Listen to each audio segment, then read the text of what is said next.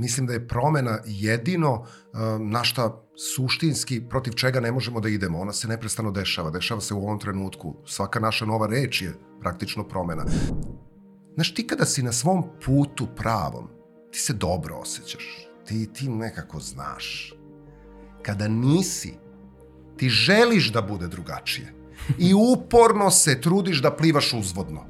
Svaki odnos je dvosmerna ulica. Zapitaj se, a kako sam ja tome doprineo da ova situacija bude ovakva? Znaš šta treba ljudima? Samo da vole i da budu voljeni, ništa drugo. Iza svega, iza svega stoji to.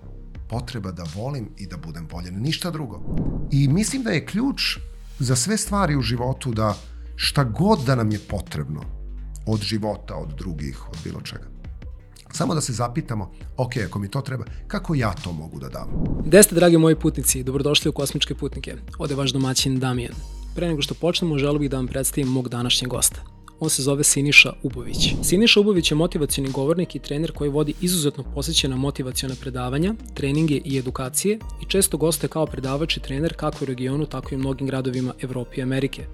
Šire javnosti je postao poznati po svojoj glumačkoj karijeri, u kojoj je ostvario desetine pozorišnih televizijskih i filmskih uloga. Za glumački rad je više puta nagrađivan i poseban utisak na publiku je ostavila njegova uloga Marka Koraća u seriji Miris kiša na Balkanu. Sinišino zanimanje za oblast ličnog razvoja je počelo 2009. godine i od tada ne prestaje da se edukuje i usavršava. Postaje prvi regionalni licencirani trener programa Healer Life, baziranog na metodologiji čuvene Louise Hay, jedan je od 12 trenera u celom svetu koji posjeduju licencu za obučavanje budućih trenera ovog programa. Na polju ličnog razvoja i motivacije imaju priliku da uče od najvećih učitelja današnjice, kao što su Louisa Hay, Wayne Dyer, Cheryl Richardson, Marian Williamson, Brandon Burchard, Bruce Lipton, Carolina Miss i Greg Braden. Autori inspirativnih i motivacionih bestsellera kao što su Put promene i neće biti kraja čudesima, 100% ja, Dnevnik promene, Meditacija za početnike, Jače od bola i izuzetnog inspirativnog romana Moja baba Zen budista. Kreator je jedinstvenog sveobuhvatnog motivacijonog koncepta Total Motivation i jednom godišnje u Beogradu organizuje dvodnevni spektakularni motivacioni trening istog naziva koji je kreirao pogledu na najbolje svetske događaje ovog tipa i kojima prisustuje nekoliko stotina učesnika iz našeg regiona, ali i iz celog sveta. U današnjoj epizodi smo razgovarali o Sinišenom ličnom putu promene, kao i o dubokoj transformaciji koja je na tom putu doživeo. Siniša me uveo i u suštinu učenja koja nastaje da prenosi putem svojih knjiga i seminari radionica koje aktivno vodi. Razgovarali smo o vrlo efikasnim načinima putem kojih možemo da se suočimo sa izazovima koje nam život aktivno servira, kao i o tome šta je to što možemo danas da uradimo i promenimo u svojim životima, što će isti učiniti bogatijim i boljim u svakom smislu te reči. Ukoliko vam se dopada sadržaj kosmičkih putnika, možete me podržati time što ćete zapratiti ovaj kanal i podeliti ovu epizodu dalje. Takođe me možete podržati jednokratnim donacijama putem Paypala ili time što ćete me zapratiti na platformi koja se zove Patreon. Linkovi za sve ovo stoje u opisu ispod ovog videa. Nadam se da ćete uživati u današnjoj epizodi i vidimo se u kosmičkim putnicima.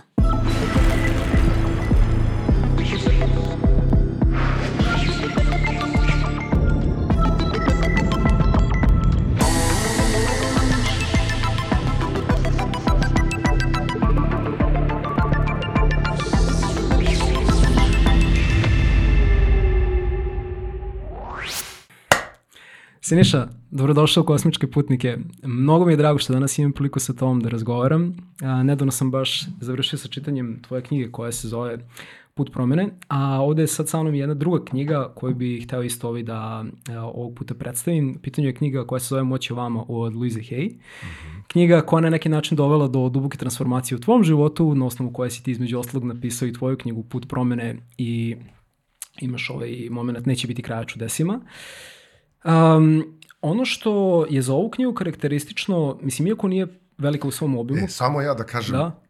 Da, Hvala ti na pozivu. Da, naravno, naravno. Zdravo. Nema, nema na čemu, nema na čemu. Kao da ne sedim kao i čekam, čekam, da, čekam. Ne, ne, ne, naravno, šalim naravno. Se, šalim se, ovaj, da, e sad ti nastavi. E, a, e, da li si želiš nešto da kažeš? Nisam ništa. kako ti se sviđa moj studio? e, studio, ja sam, ja sam oduševljen, rekao sam ti odmah kako sam, kako sam ušao, ovaj, da mi se mnogo dopada. Dopada mi se i stil i atmosfera, a pre svega energija koja, koja je ovde i ja volim kada ljudi postavljaju standarde u onome što rade i uh, volim kad prosto mogu da razgovaram sa ljudima koji su spremni za razgovore, ali koji sami jesu na nekom svom putovanju, jer mislim to životno putovanje otvara onda perspektivu da možemo da pričamo i pristupamo temama iz najrazličitijih uglova. Tako da je to, drago mi je što sam danas ovde sa tobom. Hvala ti. Ovi, s tim u vezi baš onda dolazi ova tvoja knjiga koja se zove Put promene, koja na tom putu definitivno može da pomogne. A, iako nije toliko veliko u svom obimu, ono što je za nju karakteristično da odiše jednom vrlo onakom jednostavnoću i jasnoćom i daje jedne vrlo precizne savete koje mogu zaista da nam poboljšaju život u svakom smislu te reči. Uh, ja sam je pročito, na mene ostilo poprilično jak utisak. Uh, na neki način me podsjetila koliko vrlo lako možemo da na tom nekom putu koji si upravo opisao upadnemo u te neke destruktivne mentalne i emotivne obrazce iz koje kad jednom u njih uđemo nam deluje da jednostavno napraviti neku promenu vrlo teško, nekada gotovo nemoguće. I eto, ovaj, s tim u vezi bih baš iskoristio ovu priliku da započnem naš današnji razgovor da te pitam sa stanovišta toga čime se ti baviš danas. Šta predstavlja put promene i na koji način si ti na njega zakoračio? Za mene je put promene, e, pored toga što je to naziv tog čitavog mog koncepta, u stvari e, jedina neminovnost u životu.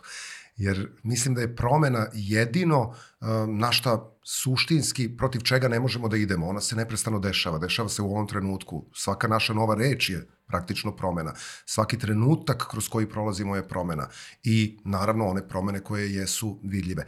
Ali ljudi imaju uh, u suštini i to, uh, i kad je nastala ta priča i puta promene i moje knjige i uh, moje potrage za nekim odgovorima životnim, u stvari je bila inicirana konačno jednim prihvatanjem promene kao neminovnosti. Mm -hmm. Jer sve vreme sam se ja praktično opirao promenama koje su se dešavale u mom životu i mislio sam da su splet okolnosti, da je to pitanje nekog manjka sreće, da je to pitanje nečega što je meni sudbinski predodređeno i protiv, ja, uh, protiv čega ja ne mogu da idem.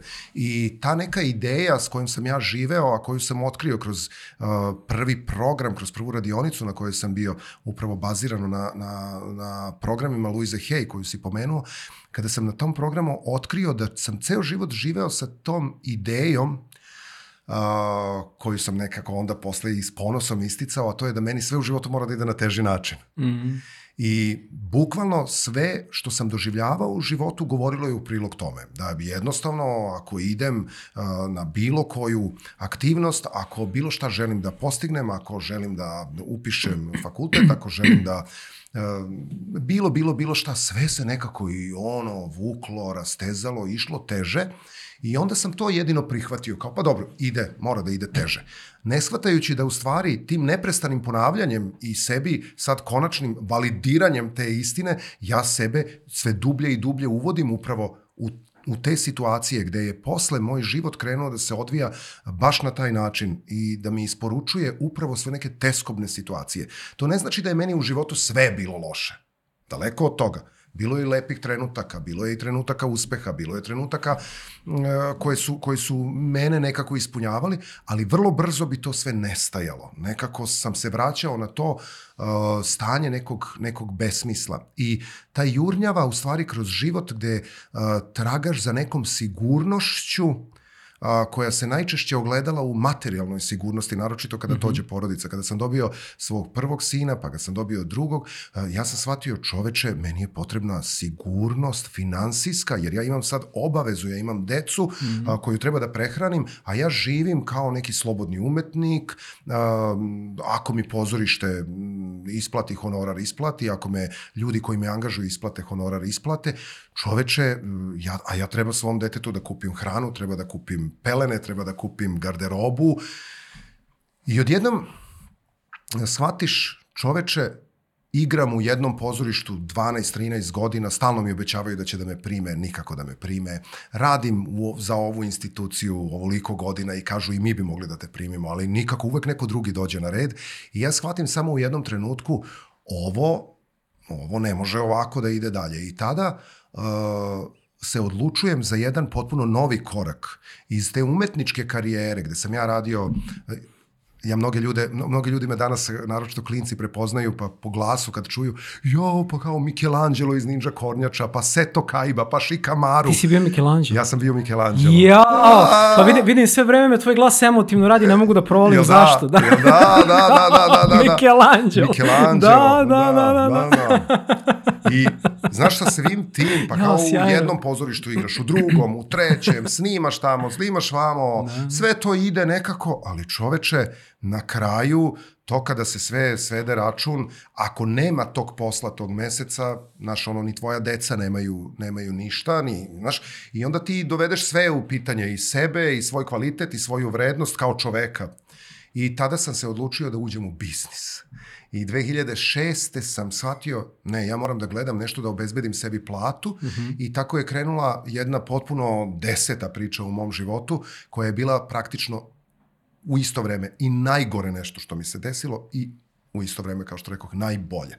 O, pokrenuo sam, otvorio sam restoran, pizzeriju i tri godine sam se patio i zlopatio sa tim i danas znam da je ta pizzerija meni bila potrebna da me dovede do najdubljeg dna. Kao što Tomas Zdravković kaže, dotako sam dno života, ja mislim ono da i dotako sam dno i onda se još rupa otvorila i onda je, vi- ne, znači nije bilo, nije bilo kraja. I došlo je do toga da sa 2009. sam ono, ušao u fazu u kojoj je bilo e, da mi se ne živi. Da prosto taj život nema, nema smisla, jer sam za te tri godine doživeo to da sam samo ulazio u dugove da bih održao taj biznis. I sad zamisli absurd. Otvaram biznis, pokrećem biznis da bih obezbedio platu. Meni je bilo, ej, da imam 500 evra mesečno, da samo imam to šta mi je potrebno za moju decu, za, za porodicu. Ja sam došao do toga da sam ja svakog meseca morao da pozajmljujem novac, da bih platio radnike, pa sam morao da uzmem jedan kredit, pa drugi, pa treći, pa privatne pozajmice i to se nagomilo da sam ja počeo da se gušim. I to je bio trenutak kada sam, uh, kao što ti rekao, ono, mislio, to je, mislim, na- najbolje je da završim sve. A onda shvatiš, čoveče, ali, šta to znači? Šta to znači? Kome ćeš ostaviti sve to posle, te, i te dugove i, i, i taj haos? I to je u stvari bilo, ta, taj pad, naj, ono, najgori pad koji sam doživeo, je bio u stvari taj wake up call. To je bilo, to, to, zato što kad sam ljosnuo toliko strašno i kada sam poželeo da me nema, ja se samo sećam tog eh, jednog eh, vapaja mog unutrašnjeg uh, kada sam ja ne znam kome sam se obratio, nekom bogu, nečemu, ono, mora da postoji rešenje. Ja ga ne vidim, ali ja verujem. Nekako se ta, ta, ta vera u tom trenutku pojavila čoveče, pokaži mi put. Mora da postoji, mislim, jer kad pogledamo oko sebe, pa nije svima bilo tako loše. A iz istog, na primjer, manje više iz istih nekih okruženja dolazimo, isto smo negde se školovali, isto su nam tekli uh, školski dani, ali ovaj, na kraju neki ljudi očigledno znaju nešto što ja ne znam. Jer, mislim, da li je moguće da ja na takvom dnu sa, znaš, i to je, i tada su krenuli bukvalno da mi dolaze neki znaci koje sam ja prvi put u životu počeo da pratim i kada sam mm -hmm. počeo da shvatam da život stvarno može da bude drugačiji i da ja imam kapacitet da naučim. I onda su krenuli da se ređaju neke stvari u mom životu i onda je u jednom trenutku u moj život upravo ušla ova knjiga koju si pomenuo, Louise Hay, mm -hmm. Moć je u vama, gde sam prvi put, čitajući tu knjigu, prvi put sam osetio sebe iznutra. Doživeo onog nekog istinskog sinišu i kao da sam bio na nekoj terapiji, kao ja sam to i mislim da sam, možda sam čak i u knjizi Put promene napisao da kao da sam bio na psihoterapiji mm -hmm. prvi put, gde me je neko postavio ispred i postavljao mi tako teška pitanja, gde ja nisam mogao da vrdam više. Kao čekaj, da li ti zaista misliš da su drugi krivi? Da li ti zaista misliš da si žrtva okolnosti? Da li ti zaista misliš da ničeg dobrog nema u toj prošlosti, ma kakva ona bila? Da li ti mm -hmm. zaista misliš ovo, ovo, ovo i ovo. I onda su samo krenuli da dolaze odgovori. Kada si sam sa sobom, ti si tad nekako Mislim, možeš ti da bežiš od sebe, ali dođe trenutak kada moraš da sedneš sa sobom mm. i za mene je to bio trenutak kada sam shvatio, pa znaš šta, pa ja sam taj koji je izabrao da se povlači, ja sam taj koji se stideo sebe, ja sam taj koji je ono hiljadu puta bio ono u, u situaciji, joj, izvinite, molim vas. Ja sam samo izvinjavao, ja sam se svima izvinjavao, ja sam pristajao na ono što su mi drugi nudili, naročito kada si u glumi, ti nekako imaš utisak da, si, da, da je to profesija u kojoj ti isključivo zavisiš od drugih i od onoga što će oni tebi dati i ponuditi. Mm -hmm. I to zaista jeste u velikoj meri tako. Ali zaboravljamo onaj deo, ali ja ne moram na sve da pristanem. Mm -hmm. Ali pristajući na to, pristajući da snižavaš svoje kriterijume, znaš, suštinski mi jako dobro znamo kada se nešto otvara pred nama. Mi znamo da li nam to treba ili ne treba. Mi znamo da li to želimo ili ne. Često pristanemo i idemo protiv sebe, ulazimo u to I onda smo kivni, onda gunđamo, onda tražimo sagovornike da se žalimo, onda su drugi krivi, onda kažemo čoveče, viš ti ko prolazi ovde, mislim kakvi ljudi ovde, ako nemaš vezu ne možeš da uspeš, ako nemaš ovo ili ono. I uvek imaš utisak da je nešto van tebe. I prvi put dok sam bio u ovom procesu, ja sam zaista osetio tu snagu u sebi, tu snagu kojom sam ja uništio sebe.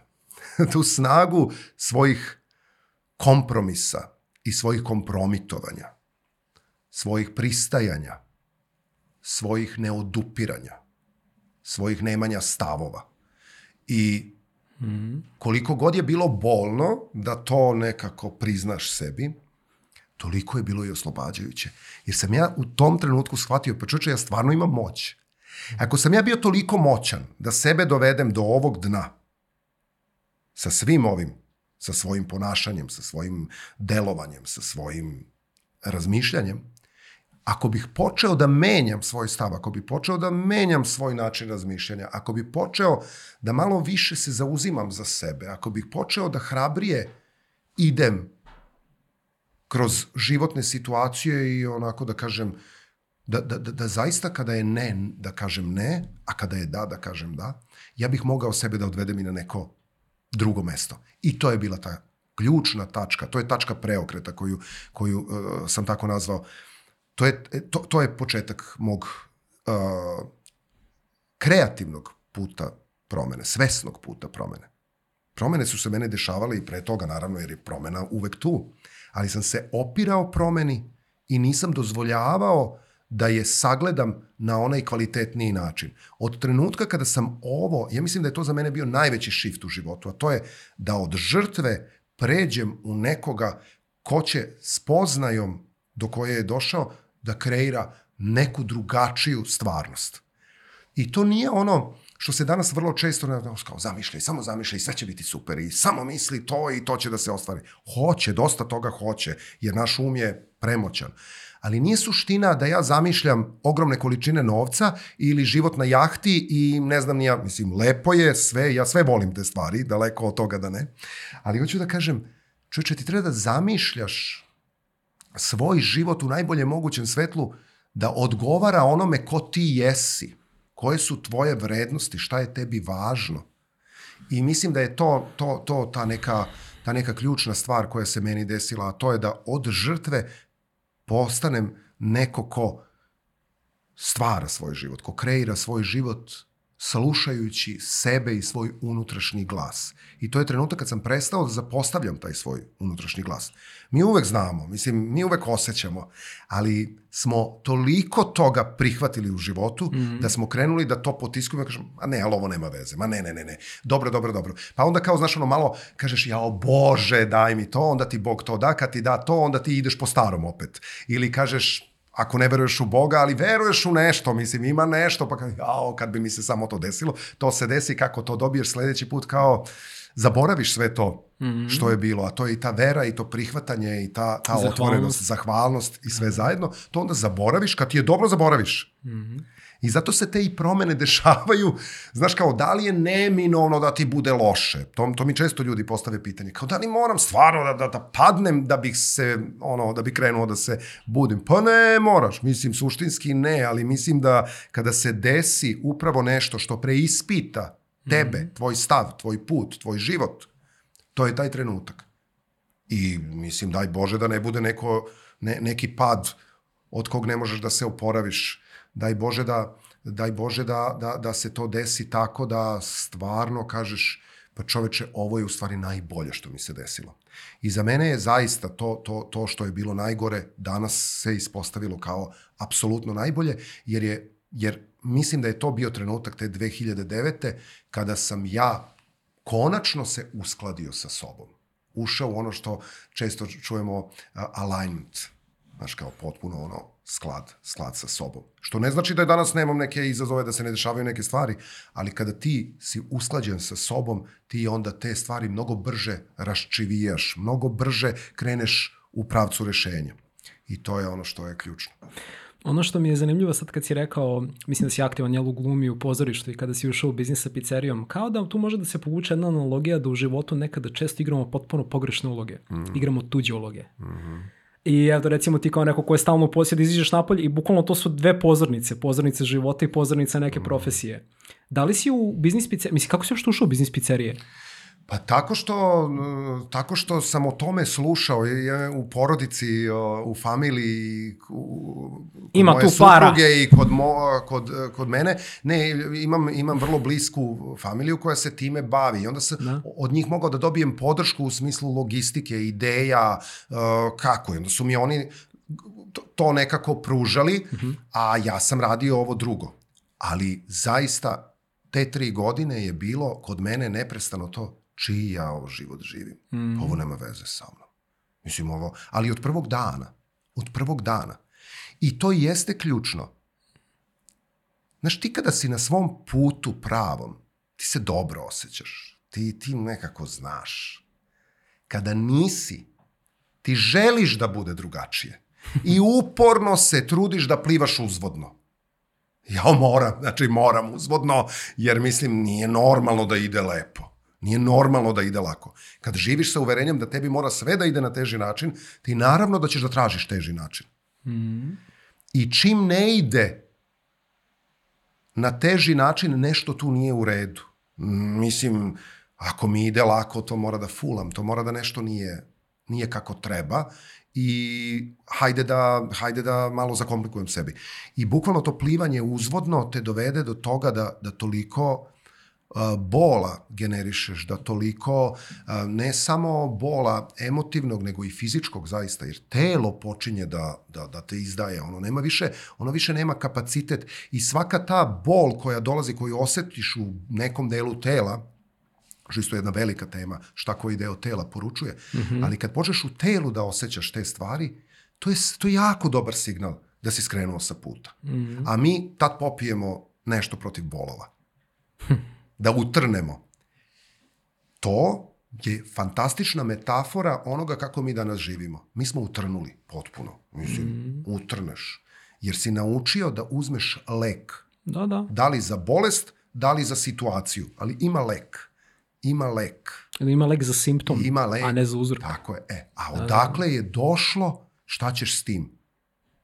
Kao i šta ćemo sad, što bi rekla konstrakta. Ali zaista, i šta ćemo sad? Znači, dođeš do otle i kao, to si sad završio i onda neka situacija nalik toj i onda se to samo uveća. To loše postane još veće. Pa još veće sledeći put. Dokle god ne kreneš u susret tome da to rešiš, situacije će da neprestano uh, se pojavljuju kao prilika da taj deo svoje prošlosti sebe isceliš. Ukoliko to ne radiš, imaš utisak da se vrtiš u začaranom krugu i imaš utisak u stvari da ti se situacije neprestano ponavljaju, ali kao više kao neka zla koba, ne kao neka, neka e, prilika za tebe. I zato ljudi kada ono, naš muka im je na poslu, daju otkaz, ne, ne, ovo ne mogu više da trpim, ljudi su grozni, vidi kako se prema meni ponašaju, prekinu to, odu na drugo na radno mesto i tamo bude, kaže, ovo je još gori, ovi šefovi su još gori, o, ove kolege, mislim, i onda imaš utisak u stvari da su svi ljudi loši i da je život protiv tebe. Ostaviš ono u braku ti nešto smeta, ma kakvi. Danas, danas se brakovi jako brzo prekidaju. Zato što ljudi nisu naučeni da zaista sagledaju situaciju i da vide zašto smo se spojili sa nekom osobom i da vidimo da li smo zaista uradili sve što jeste do nas da tu situaciju rešimo, da dođemo do nekih odgovora. Nije suština da se raziđeš sa nekim u mržnji. Suština je da se raziđeš u ljubavi. Čak i kad se razilaziš da, da, da, da jednostavno i kada prekineš odnos sa nekim, da taj odnos, kada se prekida, bude odnos koji pamtiš po onome divnom šta si generisao isto. Jer u nekom trenutku je to bila najdivnija veza, u nekom trenutku to je bilo najznačajnije prijateljstvo u tvom životu. I to što smo jedni drugima podarili na tom nekom duhovnom putu, na tom nekom spajanju koje je uvek božansko, koje je uvek uh, važno, koje Svaki odnos u našem životu je sveti odnos. Ali zaista sveti odnos. I hajde onda da kada prelazimo iz jednog odnosa u drugi, da taj odnos koji ostavljamo iza sebe nosimo u srcu kao nešto što je bilo dragoceno i važno. Ljudi danas pobegnu jedni od drugih, nemaju lepe reči jedni od drugima. I zašto to nije dobro? Ne zato što je važno da mi budemo nešto super iznad situacije, nego je važno da isceljujemo sebe, da iscelimo taj ranjeni deo sebe i da tako krenemo dalje, a ne da tu ranu nosimo i da je neprestano uh, držimo otvorenu i da je pokazujemo drugima. A naročito da je pokazujemo onima koji su nas povredili i da kažem, e, vidiš ovo šta si mi uradio. Da, da, da. Patiću zbog, zbog tebe, sam sad zbog tebe. Jer na taj način ću da te kaznim. Da i ti patiš. Mm -hmm. Ali život funkcioniše na potpuno drugi način, a to je uzmi, počni da isceljuješ svoju ranu. Nauči da opraštaš, nauči da prihvataš i nauči da puštaš. Zbog sebe, ne zbog drugih. Mislim, Prvo to je bitno i zašto ljudi uopšte ulaze u odnose. I to je jer isto. o tome se radi. Jer nek, ako na neki način uđe zbog pogrešnih razloga, to je već tako na neki je. način osuđeno tako na propast. Je. Mislim, odnosi koje dugo traju, to ja mogu da se pohvalim sa brakom koji traje već 12 godina. Mislim, ajde da kažem, prethodnih pet smo zvanično papiru, ali da kažem, već da traje 12 godina. Um, odnos koji možemo da imamo sa drugom dušom u tom smislu je neverovatan potencijal za rast. Znači mogućnost da oboje rastemo i da se razvijemo, mm. ali mora da postoji spremno sa obe strane. Tako je. Da bismo proširili jednu drugom granice. Um, I to nije uvek lako. I upravo to što si rekao da ljudi danas često izlaze brzo iz brakova, mislim da je to kad najđu na te neke momente i mislim da je to e, tema koja bi se dotakao na osnovu ovog što si rekao bio i na početku razgovora danas, da nekada kada radimo nešto u životu što imamo utisak da ide tako lako, da znamo da je to to, apsolutno ne znači da nećemo imati teške momente i na tom putu. I to je istina velika. I isto se dešava i u međuljudskim odnosima. Znači, mi nekada, ja sa svojom suprugom sam imao užasno teške momente, mm. ali ako smo oboje spremni da zaista pogledamo u srž problema i da probamo da ga prevaziđemo, ali zaista, to je nešto najneverovatnije. Tako jer je. to je bukvalno ono put ka božanskom, mm. bar po mom mišljenju. Ove, i mi... Znaš kako je to, to, to da. je nekako stvarno, stvarno divno.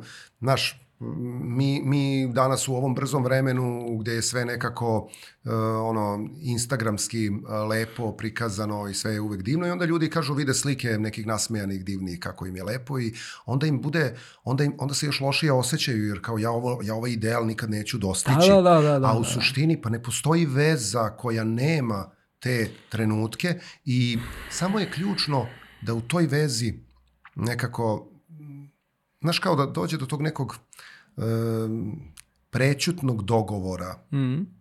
Ne mora i da bude prećutan, može i da se zaista dogovori, ali uh, nekako smo, na primjer, kada, kada je moj odnos sa mojom suprugom u pitanju, uh, evo mi smo preko 22-3 godine zajedno, uh, znaš ja to doživljavam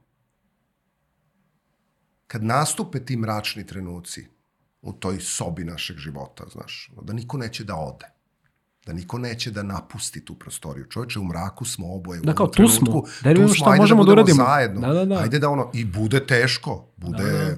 znaš, bude, bude užasno, ali čovječe, ne, ne, ne, neću da pobegnem. Neću, neću da te ostavim.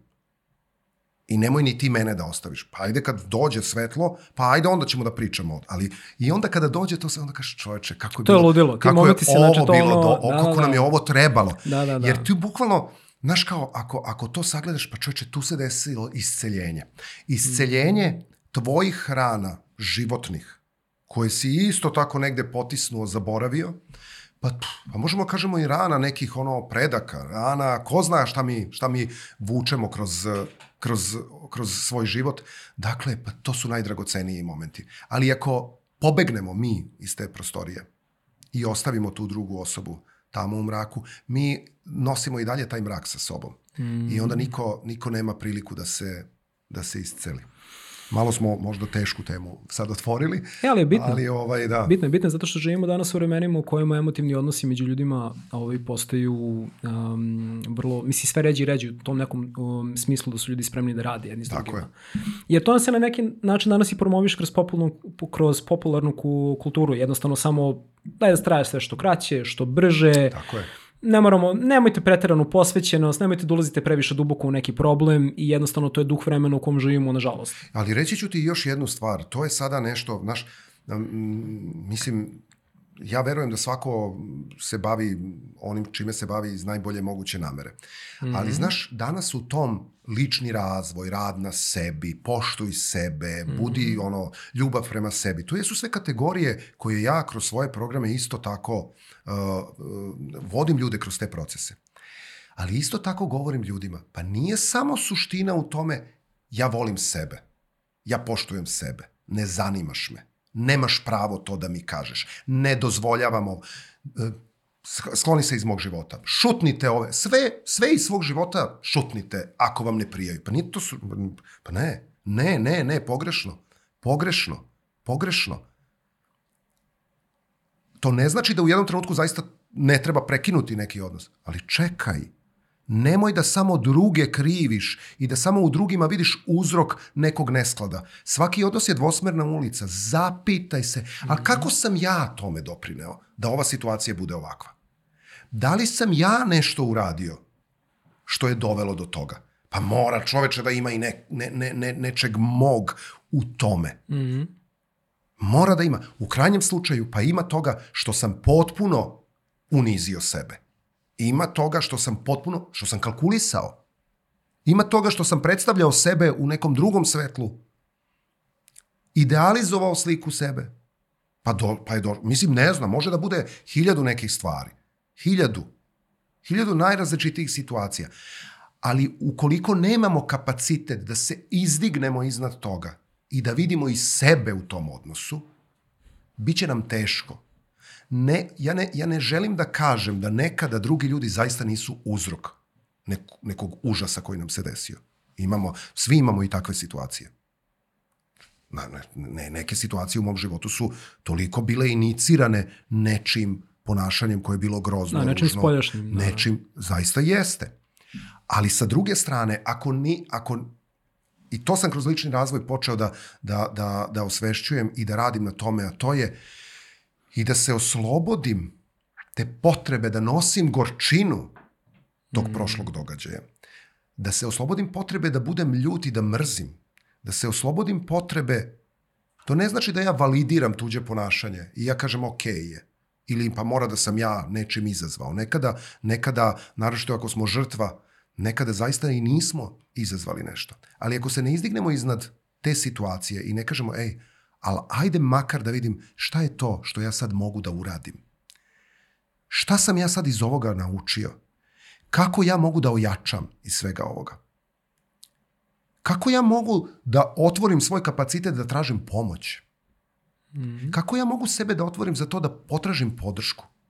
Meni se često ljudi javljaju i kažu uh, nakon nekih objava koje postavim ili na Instagram ili na YouTube, Siniša sve to u redu, ali, ali kako da ovo rešim? Mm -hmm. I onda kažem ljudima, ali potražite pomoć. Idite, ono, razgovarajte s nekim ko, ko može kroz terapiju da vam pomogne. To, to nije ništa strašno. Naprotiv, to je najdivnije nešto što možete da podarite sebi. To što ja danas radim sa ljudima, to je rezultat mog rada sa drugim ljudima koji su meni pomagali. Ja sve vreme dok radim sa ljudima, ja neprestano radim i, i, i imam ja i svog uh, kouča, nekada terapeuta, nekada nekog s kim radim na nečemu. Zašto? Pa zato što je upravo život jedna velika promena. I meni se dešavaju isto tako neke loše stvari, dešavaju se gubici. U potrebe dve, tri godine toliko gubitaka sam doživao toliko, uh, toliko ne znam koliko puta sam sa svojom suprugom sedeli smo i plakali, plakali, plakali zbog gubitaka nekih ljudi u našem životu. Ali čoveče, daj sebi, daj sebi vreme, daj sebi priliku da prođeš kroz taj proces, daj sebi priliku da odboluješ. Mm -hmm. Nije suština misli pozitivno i sve će da prođe. Misli pozitivno, izgubio si nekog i sad samo misli pozitivno, to, će proći. Ne, mm poludećeš. Da, da. Znači, razumeš, mislim, nećeš, nećeš biti dobro. Kažem, poludećeš. Ali nećeš biti dobro. A možda i dođe do, do ne, nekog... Zato što je to nesklad, to nije normalno. Nije normalno da misliš pozitivno, u trenutku kada, kada, kada si izranjavan, isplači čoveče, isplači, mm. da li s nekim, da li, da li sam, ali pusti da ta tuga odboluji do kraja, pa idi, pa idi dalje. Da, to je, tu ulazim sad ta tema ove koje sam svakako hteo da dotaknemo, to je taj sintetički pozitivizam, mm. koji je toliko destruktivan u svojoj prirodi, baš zato što anulira čitav jedan spektar stvarnosti koje bismo mogli da opišemo kao teškim i mračnim time što smo mi pozitivni stalno mm. i, ne, i ne dopuštamo to. I u jednom trenutku to dovodi do totalnog mm. kraha, jer mi sve vreme hoćemo da ne vidimo nešto što je tu, ne, to je suštinsko neprihvatanje. Tako je. Tako je. I ovo to je potpuno... Uh, u svetlu ovoga o čemu pričamo, kad ti se obrate ljudi kao Siniša, eto, kao tebi sad sve tako lako ide, kao kako, ali evo ja imam taj problem. Baš bi volao da se osvrnemo na priču Louise Hay, -hmm. pošto sad ona kao neko ko je bio globalni, jer mm -hmm. uh, ova jedna figura koja je uticala na ljudske živote. A tebi malo da skiciramo portret nje, u stvari mm -hmm. ko je bio ona, i u stvari kakav je bio život koji ona vodila pre nego što je krenula pričati o nekim stvarima. Jer često ljudi kažu, pa dobro, to je Amerika, to su tamo neki ljudi, da, da, da. njima je lakše, mogu o tome da, da pričaju. Ove, ja sam pročeto bio, mislim, neki ono moment iz jednog života, prepustio bih to tebi i to je bilo potpuno ono čovječa koja ova žena mogla iz ovoga da se digne. Znači, to je, to je samo znak da u stvari i te kako postoji prostor da uvek možemo nešto poboljšamo uprkos nekim spoljašnjim da, da. uticajima. Da, ona dolazi iz jedne uh, apsolutno disfunkcionalne porodice, uh, gde je, mislim, i otac vrlo rano otišao, napustio, ne, ostala je sa majkom koja je nju nešto davala, čak i u neke, čini mi se, i hraniteljske porodice, pa se onda vraćala, pa je onda majka našla muža, pa je taj čovek, ono, nju, ona je, ona je već sa 5-6 godina bila silovana, pa je onda posle kroz život išla i onda je to ona priča, Uh, kaže, uh, i onda sam samo išla kroz život i tražeći, tražeći ljubav, tražeći ljubav i, i, i u, hmm. toj, u toj jednoj potrazi za ljubavi, za ljubavlju pristajala sam na svakakve odnose i dozvoljavala i tu sliku o ljubavi koju sam nosila kao dete, a to su te upravo te rane, ona je ono i, i kroz te tinejdžerske dane, kroz te dane mladosti opet mnogo puta prolazila upravo kroz silovanja, kroz sve to, gde je u jednom trenutku sa 16 godina čak i ostala u drugom stanju, rodila dete i onda nije znala niti je smela, niti je mogla, niti imala uh, kapacitet, niti mogućnosti da to dete zadrži, pa je to dete dala na usvajanje, pa je nastavila da ide dalje, onako da, da se kreće kroz život kao potpuna, potpuna propast. I onda je tako bilo s vremena na vreme nekih ok trenutaka, nekih, pa onda tu je opet taj uh, loš odnos i sa majkom i sa svim tim uh, raznim ljudima koji su nju okruživali. I onda je konačno kao u jednom periodu života došlo do neke stabilizacije gde je ona uh, čak i našla i nekog, uh, i nekog čoveka koji je bio iz neke više klase nego što je ona. Ona je lepo počela i tu da živi i onda je samo u jednom trenutku u nekim 40. i taj čovek ostavi I ona se ponovo nađe kao propasti, kao da, da, da zaista nema, jer niti je imala tada u tom trenutku nema ni završene nikakve škole, nema ništa, ništa, ništa i ostaješ tada u tim godinama u Americi jednoj, ostaješ bez ičega. I trenutak kada je otišla na neko predavanje na koje je pozvala prijateljica, kao je, bit će neko predavanje nešto negde, i ona je otišla na to predavanje i ta prijateljica nije došla. I ona je ušla u tu salu i čula neke stvari. A koje predavanje je bilo u pitanju? Šta, koje, um, nauka uma, kao kako umom Dobro.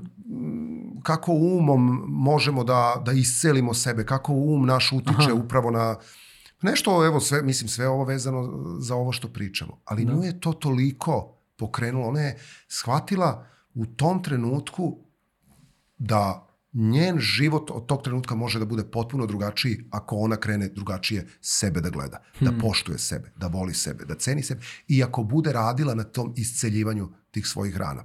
I nju je to toliko zaokupilo da je ona krenula toliko intenzivno da uči upravo u toj sferi a, i postala je jako dobar predavač u okviru te, te oblasti i fantastično je bilo. Ljudi su krenuli ono da, znaš, ono, dolaze da rade sa njom, da, da ju se obraćaju za pomoć.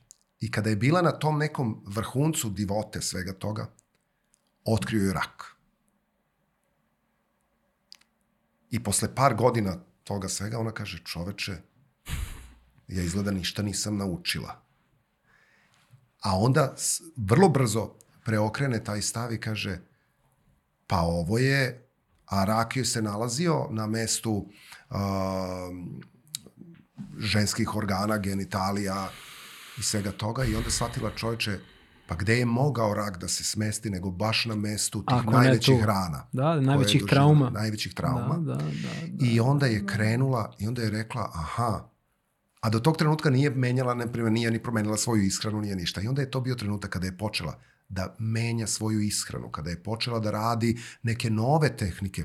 I onda je u stvari a, rekla sebi, toliko toga si naučila i nije ti život bez razloga dao ovaj novi pogled, hajde sada sve to što si naučila i što znaš, iskoristi da sebi pomogneš. I radila je, i sad da ne opisujem sad što je to i koje ljude zanima, mogu u njenim knjigama o tome i da, i da čitaju. Linkovat ćemo sve tako A, da, moći da ali u suštini, da. ali u suštini desilo se to da je posle sad ne, da, da, da ne licitiram koliko meseci, kada je otišla na pregled, raka više nije bilo. I to je bila ta ključna, najveća planetarna ono, globalna promena koja se desila vezana za nju, kada je svet za nju saznao, jer je tada izašla njena knjiga You can heal your life.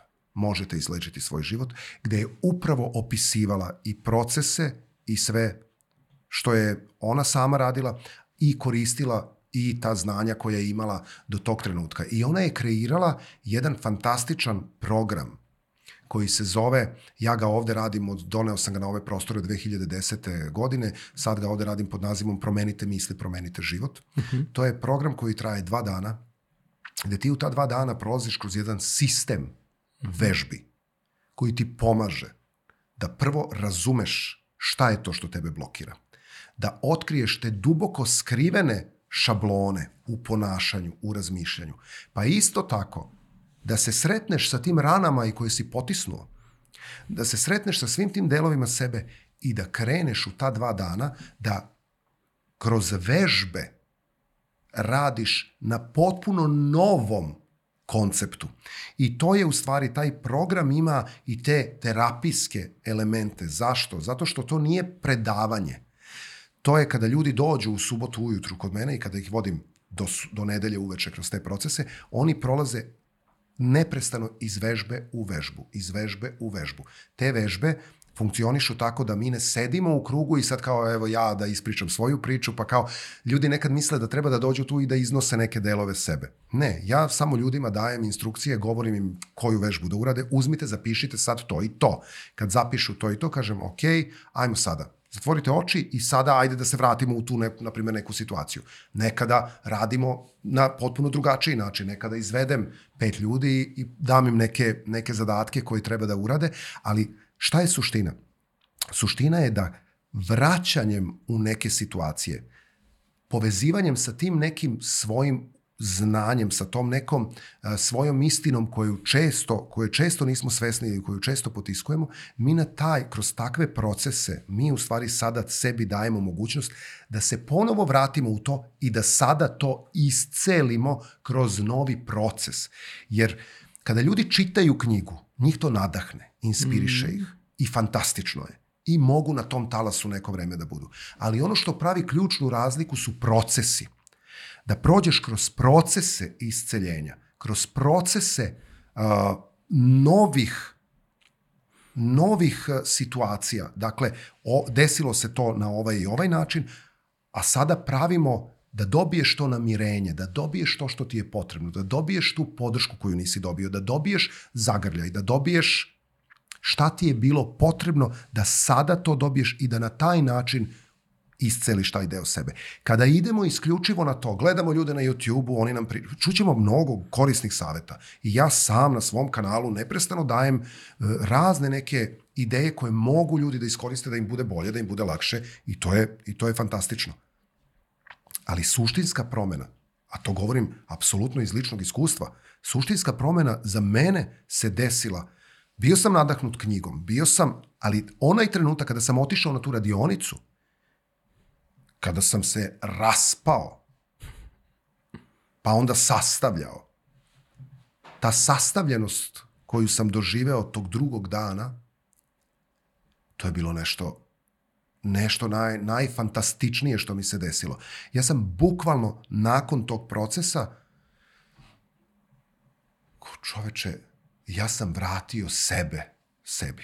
I to je, to je, taj susret sa sobom je u stvari najdivniji. Zato kažem, za mene su bili neki elementi i zato kad ljudi prolaze kroz ta dva dana, pa sad tu ima raznih vežbi, pa nekome bude emotivno jedan, neki segment bude potpuno emotivan. Neko kroz taj segment prođe potpuno miran.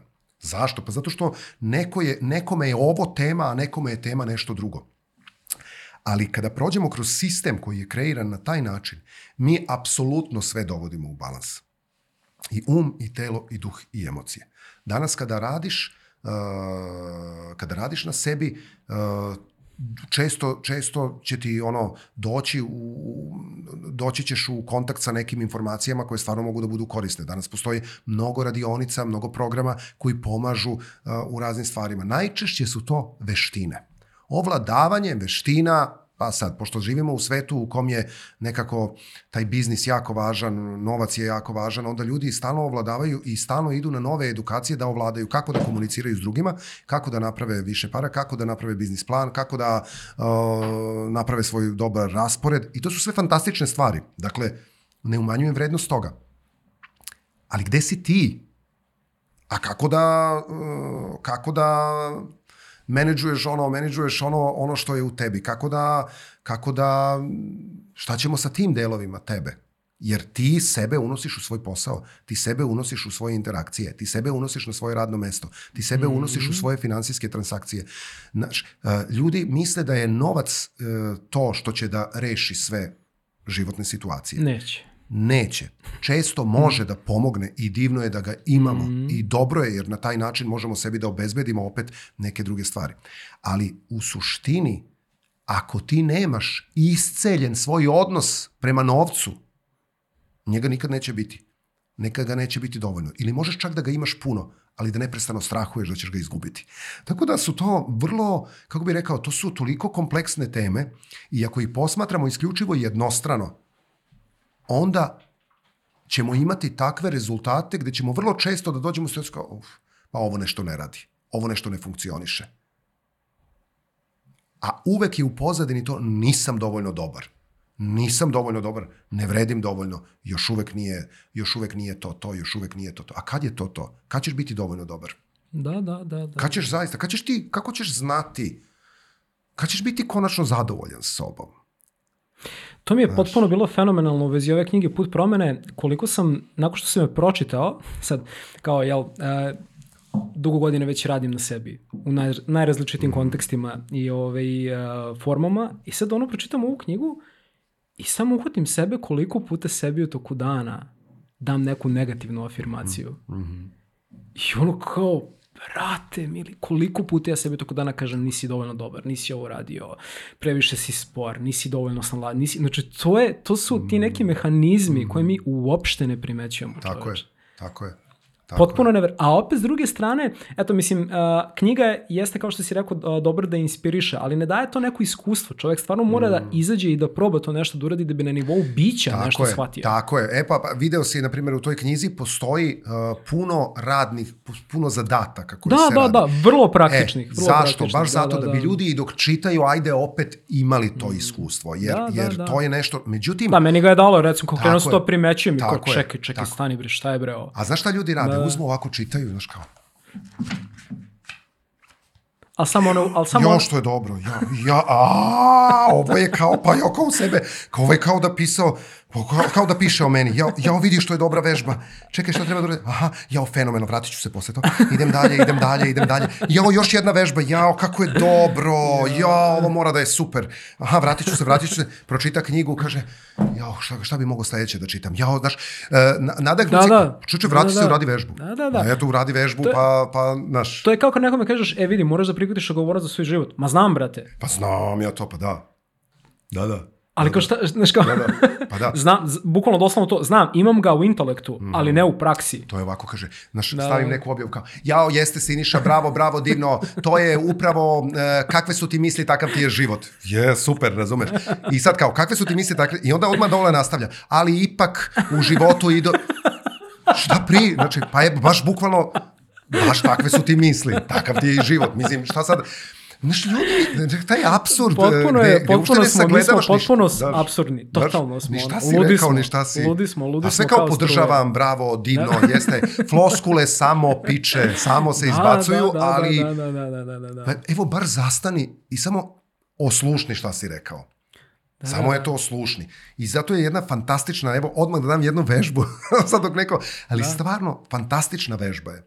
Sad pričaš s nekim danas u toku dana, pričaš, pričaš, pričaš i samo se seti i čuj šta si rekao. Ne, mora, ne, ne govori toj osobi, čekaj samo da čujem šta sam rekao. Ne, ne, samo čuj šta pričaš, a, a čuj šta ti ova druga osoba priča i čuj kako reaguješ na to što ta osoba priča. Sad ti se neko žali. Da li podržavaš to žaljenje i vičeš, jao jeste, ma znam, strašno, užas. Ma katastrofa, pa znam. Ja sam voleo kad mi je bilo teško, pre, pre o, o, ove svesnosti, ja sam tako voleo kad mi je teško, kad mi drugi kažu jeste da propasti, stvarno, ne, ti stvarno nemaš sreće. Kako mi je to prijalo, čoveče, pa znam, nisam lud je. Da. Znaš, ono nije, mislim, vidiš i drugi vide. I onda mi to da neko olakšanje. Da, i kao Pa osjećamo, da. osjećamo se dobro u tom nekom se mulju. dobro, užas. I kao, mulj, ali je mlak mulj. Da, da, kao, da, da, mm, ja, ja. Da, da. Jer mislim, kad shvatiš da i drugi vide da ti je teško, onda nekako nisi sam u tome.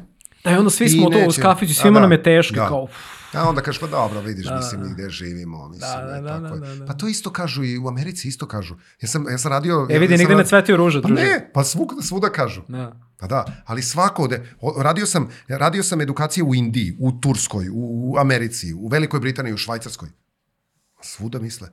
Znaš, kad odem u Švajcarsku, Bio si u Indiji. bio sam u Indiji, Jeste sam klimali seminar. glavicom? Mm. Da, da, da, da, da, da, da, da. I oni isto.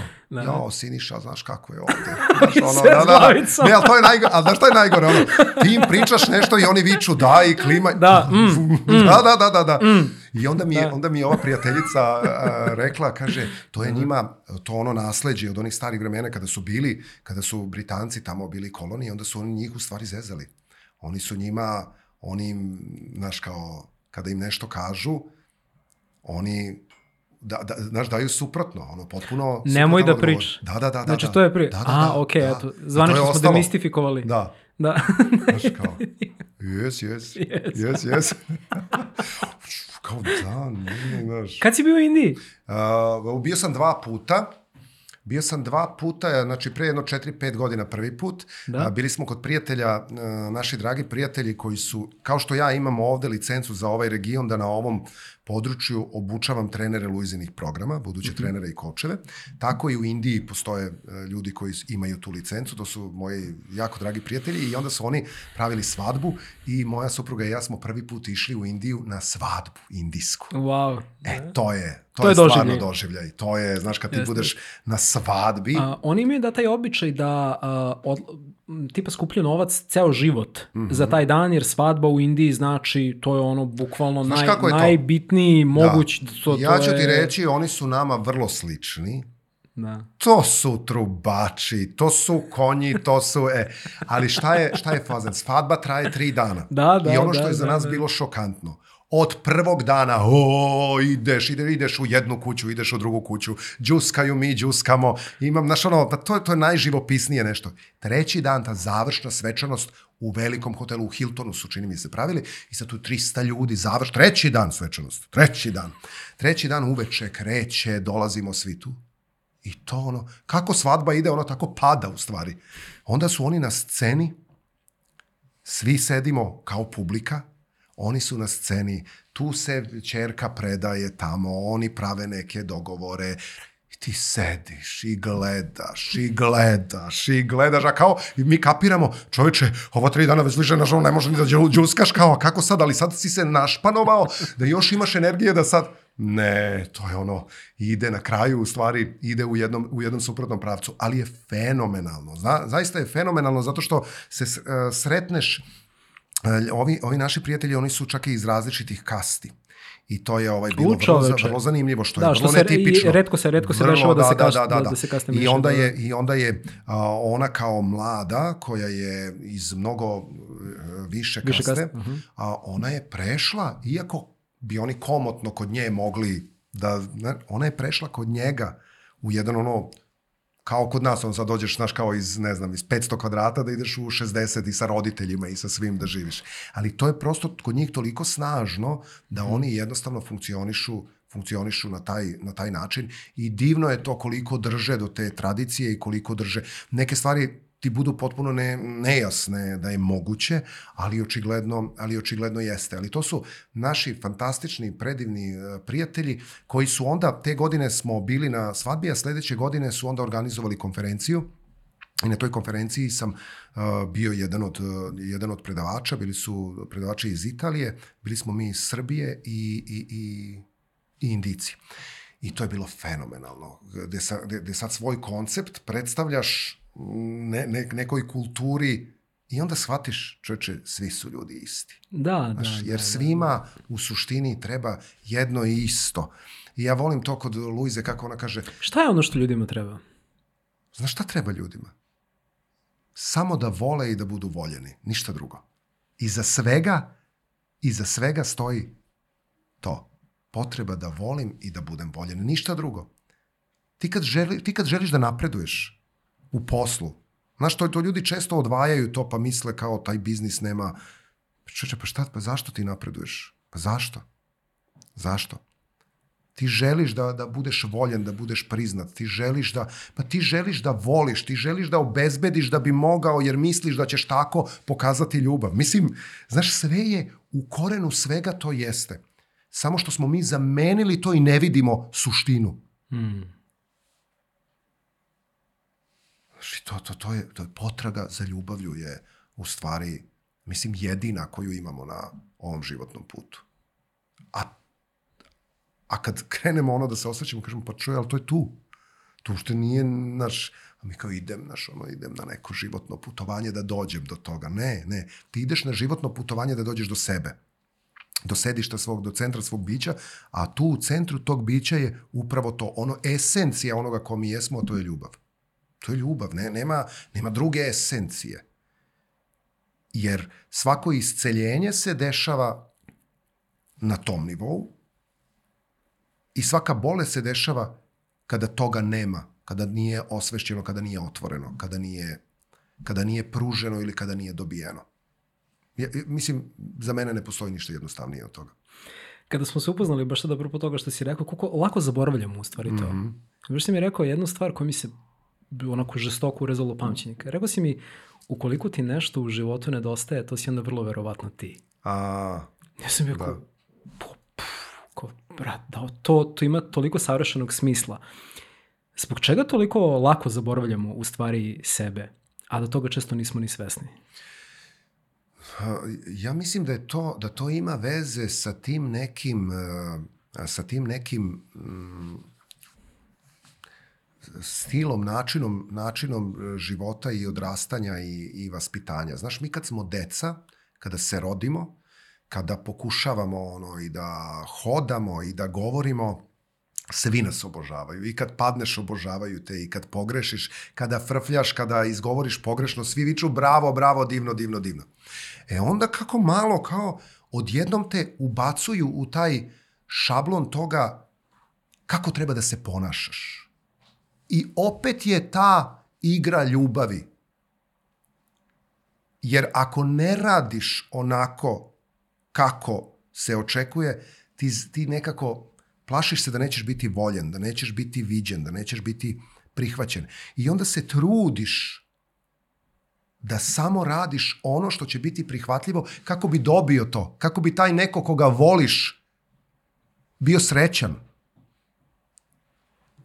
A zašto oni to rade? Zašto nas tako uče? Ne zato što nas ne vole, nego zato što su već toliko upisani, to je, toliko je upisano u tom kodu čoveče, igraj po pravilima, igraj onako kako, kako, kako treba i samo mm. kalkuliši u stvari, samo i nemoj da talasaš, nemoj puno i nemoj ništa da ističeš što je tvoje, ajde, ajde, polako, polako, ajde smiri se, pa ne moraš ti baš sve, pa ne moraš, pa, pa, samo tebe čekaju, jeste, samo ako ti to ne uradiš, o, stvarno, ako ti, Pa ne, pa čovječe, ali ako ja to ne uradim, ko će? Ko će? Ali da. zaista ako ja to ne uradim. Ko će, da, da, Znači, da. ko će uraditi? Da, Kako da, će da. neko da uradi nešto što ja osjećam kao Mm. zov svog bića? Pa ko to može kad taj neko ne zna šta je to u meni?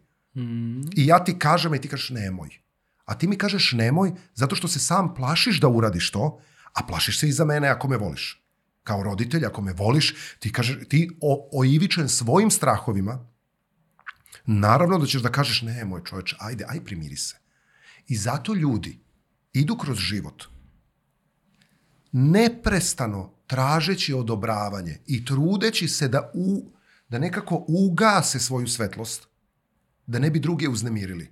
Mm. I radeći sve ono što je prihvatljivo po nečijim standardima, ali kao po čijim standardima. I onda dođeš do te tačke u kojoj shvatiš u 20, 30, 50 godina, nekad u 60, 70, ja imam e, polaznike radionice sa 70 i nešto godina koji dođu, koji su toliko otišli od sebe, zaboravili i da oslušnu sebe, da čuju Znaš, ti, ti, ti, ti kad, kad se nešto desi što ti ne odgovara, što, što ne bude dobro u životu, ti kada to prođe, kažeš, ali tačno sam znao da nije trebalo to da uradim. Mm. Tačno sam znao. Ili, Šta ćemo s tim? Da, da, e, da. a to je upravo to, znaš, ali ne želiš. Ti, ti, ti, do, ti znaš, ali ne želiš to da čuješ. Ne sviđa ti se odgovor. Ne sviđa ti se odgovor jer razmišljaš da bi možda time proizveo nešto što neće svima odgovarati. I to je u stvari jedan, jedan, jedan put. I onda odjednom napraviš grešku, oni, znaš, ono, osude te, na, uradiš nešto što nije po standardu, budeš izopšten ili uradiš nešto što je pa kao ne, i ti, i ti to tumačiš u stvari kao neke, kao da, da, da su ljudi protiv tebe, a u stvari ti si protiv sebe. Ti si išao protiv sebe i okej, okay, iako si do sad išao protiv sebe, pa okej. Okay. I to je okej. Okay. Zato što ako, sve, ako si svestan i sada nas neko sluša i nešto rezonuje sa njim u ovom trenutku kao istina i kaže čoče, stvarno idem protiv sebe. Pa to je fenomenalno. Nemoj da žališ što si išao 20 godina, 30, 50 protiv sebe. Nemoj da žališ. Nego reci čoče, pa genijalno, ja sam sad konačno shvatio. A raduj se što si to primetio. Pa raduj se što da, si da, to da, primetio. I, i kreni, i kreni, kreni na drugu stranu. E, to je u stvari suština. Da, posebno u našoj sredini koja je jel, takva kakva je, ljudi kad krenu da im se dešavaju neke dobre stvari, često nekada to drže za sebe. Kao neću da pričam Tako nikome je. da prolazim kroz nešto Tako dobro, ljudima je teško. Tako je. I sad eto koliko je to jedan potpuno štetan obrazac, jer mi nikada ne znamo da li taj neko ko sedi preko puta nas, kome bismo mi potencijalno rekli da se nešto lepo krenulo da se dešava, možda bilo sve što je taj neko čekao da čuje. Ima i, toga. I, I ne da ćemo mi njemu sad da, da, da, da, ono, da mu dodatno još otežamo situaciju mm. koja nego će kaže vidi stvarno može da dođe do neke promene, evo vidim na mom bliskom mm. prijatelju, hajde ja da probam nešto da uradim. Mm. Mi smo često u onoj drugoj strani, ajde bolje da ne pričam da se on ne bi osetio mm. još lošije. I samim tim upravo to što si rekao, pičujemo, smanjujemo naše mm. sobstveno svetlo. Apsolutno. I to je, mislim, da, apropo tih absurdnosti u kojima, mm. u kojima živimo. Ali opet razumem, mislim, na neki način ima nečega i u tome da ne želiš nekome da staješ na muku. I tako je. Ove, tako je. Uh, vratio bih se na tu temu odgovornosti, pošto u tvom radu dosta stavljaš akcenat na to da je apsolutno neophodno da ljudi preuzmu odgovornost mm. u svom životu. To uglavnom implicitno podrazumeva da moramo da izađemo iz te uloge žrtve u kojoj jednostavno uđe većina nas. Um, I vrlo je teško da izađemo iz te uloge kada smo ceo život u toj ulozi.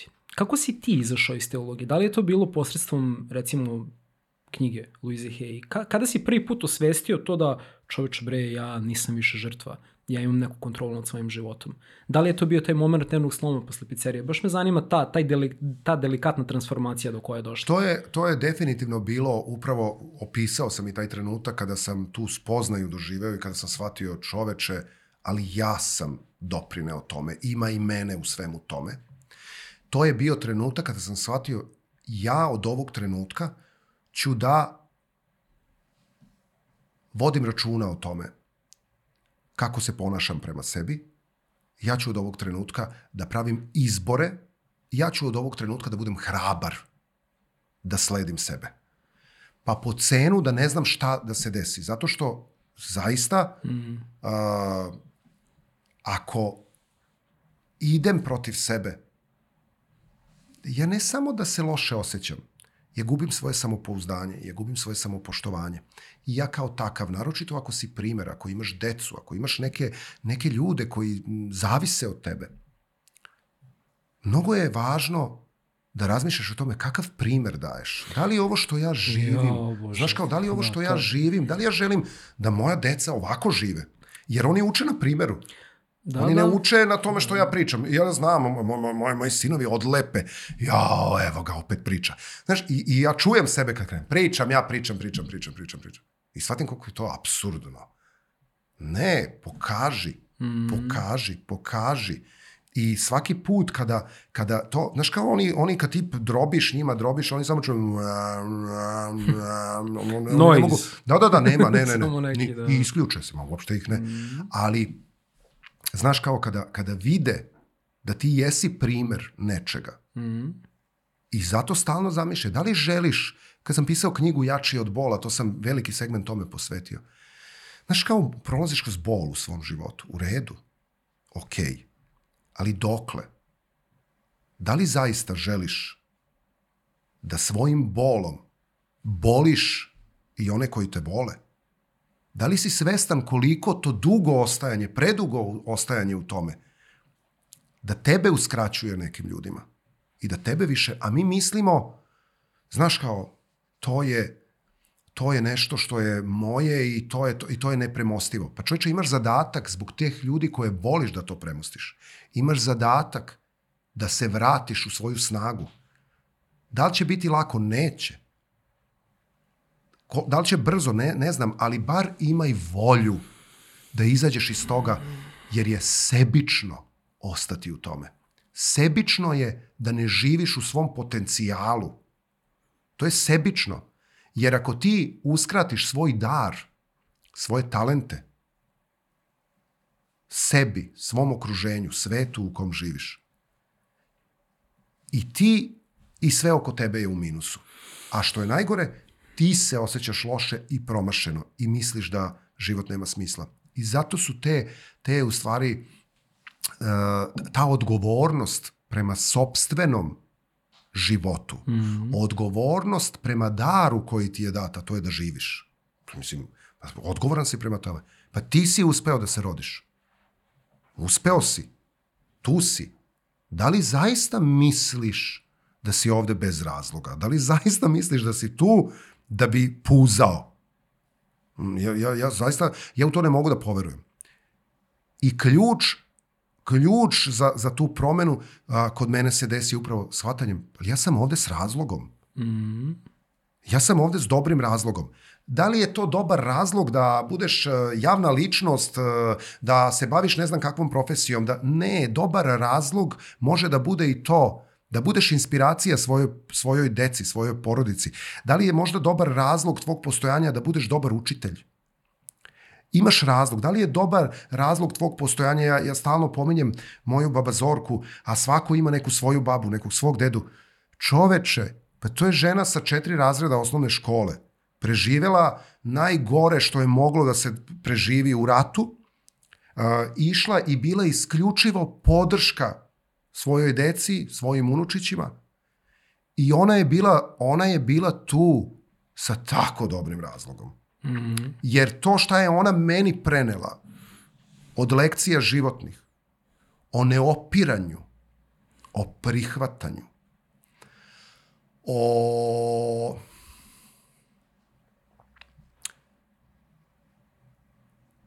životu u miru. Znaš, prihvati. Znaš, prihvati. Čuče, ona je, ona je tako s dobrim razlogom bila tu. To što je ona kuvala, može da kaže čoveče je bila domaćica, je, to propatila ceo. Čoveče, pa ona je ostavila takav trag. Ostavila je trag najboljom pitom na svetu koju i dan danas kada ono kad pomislim to je moja emocija ono detinjstva razumeš ostavila je trag svojim rečenicama ostavila je trag time što kada sam sa njom kada dođem kod nje kada ona kaže srećo babina srećo znaš to je ode ovo ovo ovaj u nekom, pra... ali čoveče... Nije, baš sam tada to, te pitam inače za učenje babazorke, pošto ona očigledno imala veliko utice. Apsolutno, da, da, da. znaš, to, to, to, to, čoveče, on, e, e, to sam posle osetio kada sam upoznao Luizu, Luizu Hej. Znaš, ja sam u prisustvu moje babazorke, to je to, ljubav. Volite sve je, sve je dobro, ti si feno, ti si savr, najsa, mislim, ne ono, ti si super, baš te ona, moja baba Zorka nikad nije preterano hvalila, niti govorila da, da, da sam više od onoga što jesam, ali sam takav kakav jesam, to je to. I to voli, i to prihvata, i tu nema šta. E, to je osjećanje. Zašto mi volimo naše babe, dede, neke takve ljude koji su nam važni? Zato što je to njihovo prisustvo u našem životu nas mm. podsjećalo na istinu za kojom tragamo. A to je ta istina, do, dobro je, tu je dobro, sve je dobro. Sve je dobro i ti si dobar. To je sve, da. sve je u redu s tobom. Dakle, volim te i prihvatam. tu, ali sve je okay. da, da, ali, ali ti, da, da. ja te volim i prihvatam baš takvo kakav jesi. Ta filozofija toga je nešto što su što, što neki mudri stari ljudi mogu da nose i a to je a to proizilazi iz njihovog velikog iskustva. I onda kada nas sreo Luizu Hej, kad me pitaju kako je to bilo sa Luizom Hej kada si ti... I znaš, ja, ne, tu nema ničeg, ničeg ne znam, ni ja sad kao spustilo se, ne znam. Čuče, ja sam sedeo i ta žena je sedela, ja sam bio u prisustvu čiste ljubavi. Šta je to? To je da. prihvatanje. Da. Bukvalno, ja sedim tu i to je to. I ništa više od toga. Ej, i ona te, ja sedim i ona kaže meni, pričaj mi o svom životu. I to je to. I sve sve je super. A fenomenalna rečenica Louise Hay, koja je ono obeležila kompletno njene, uh, njene razne segmente, a to je all is well. Sve je dobro. To je moja baba Zorka govorila. Sve je dobro. Sve je uvek dobro. Sve je dobro. Ja kad sam bio mlađi, to mi je bilo baba, ono kao, brate, mislim, pa ti normalna. Kao, Kako sve ti, dobro, sve, sve klikere, dobro, vidiš, sve klikere su mi uzeli. E, a na kraju je sve da. dobro. Pa sve je dobro, sve će biti dobro, sve je uvek dobro. E, da, to je u da, stvari, da, da, to je to. I zato je, i sad, a sad, evo, kao taj razlog i povod, pa čovječe, moja baba Zorka je sada uh, u, u mom romanu Moja baba Zen budista opisana, Moja baba Zorka živi kroz taj roman i moja baba Zorka je sad inspiracijama, mislim da taj roman prodat, ja ne znam u koliko stotina, ne, ne znam, ne, ne znam. I želim i film da napravimo toga, nikako to da se, da se otvori, ali evo spreman sam da se i to desi, ali to je to. Čuče, ona je s tako dobrim povodom, s tako dobrim. Ako je samo na jednu osobu, a to je to, ako su naše babe, dede, samo to uradile u životu, a to je da nam pruže to osjećanje da si, do, da si dobar, da je sve dobro. Da, kakva to misija. Je, e, to je, to je misija. Mm. I zato mi kroz ovo, zašto, zato kažem da je sve nekako jednostavno, mi kroz sva ova učenja samo se vraćamo na to da je sve dobro.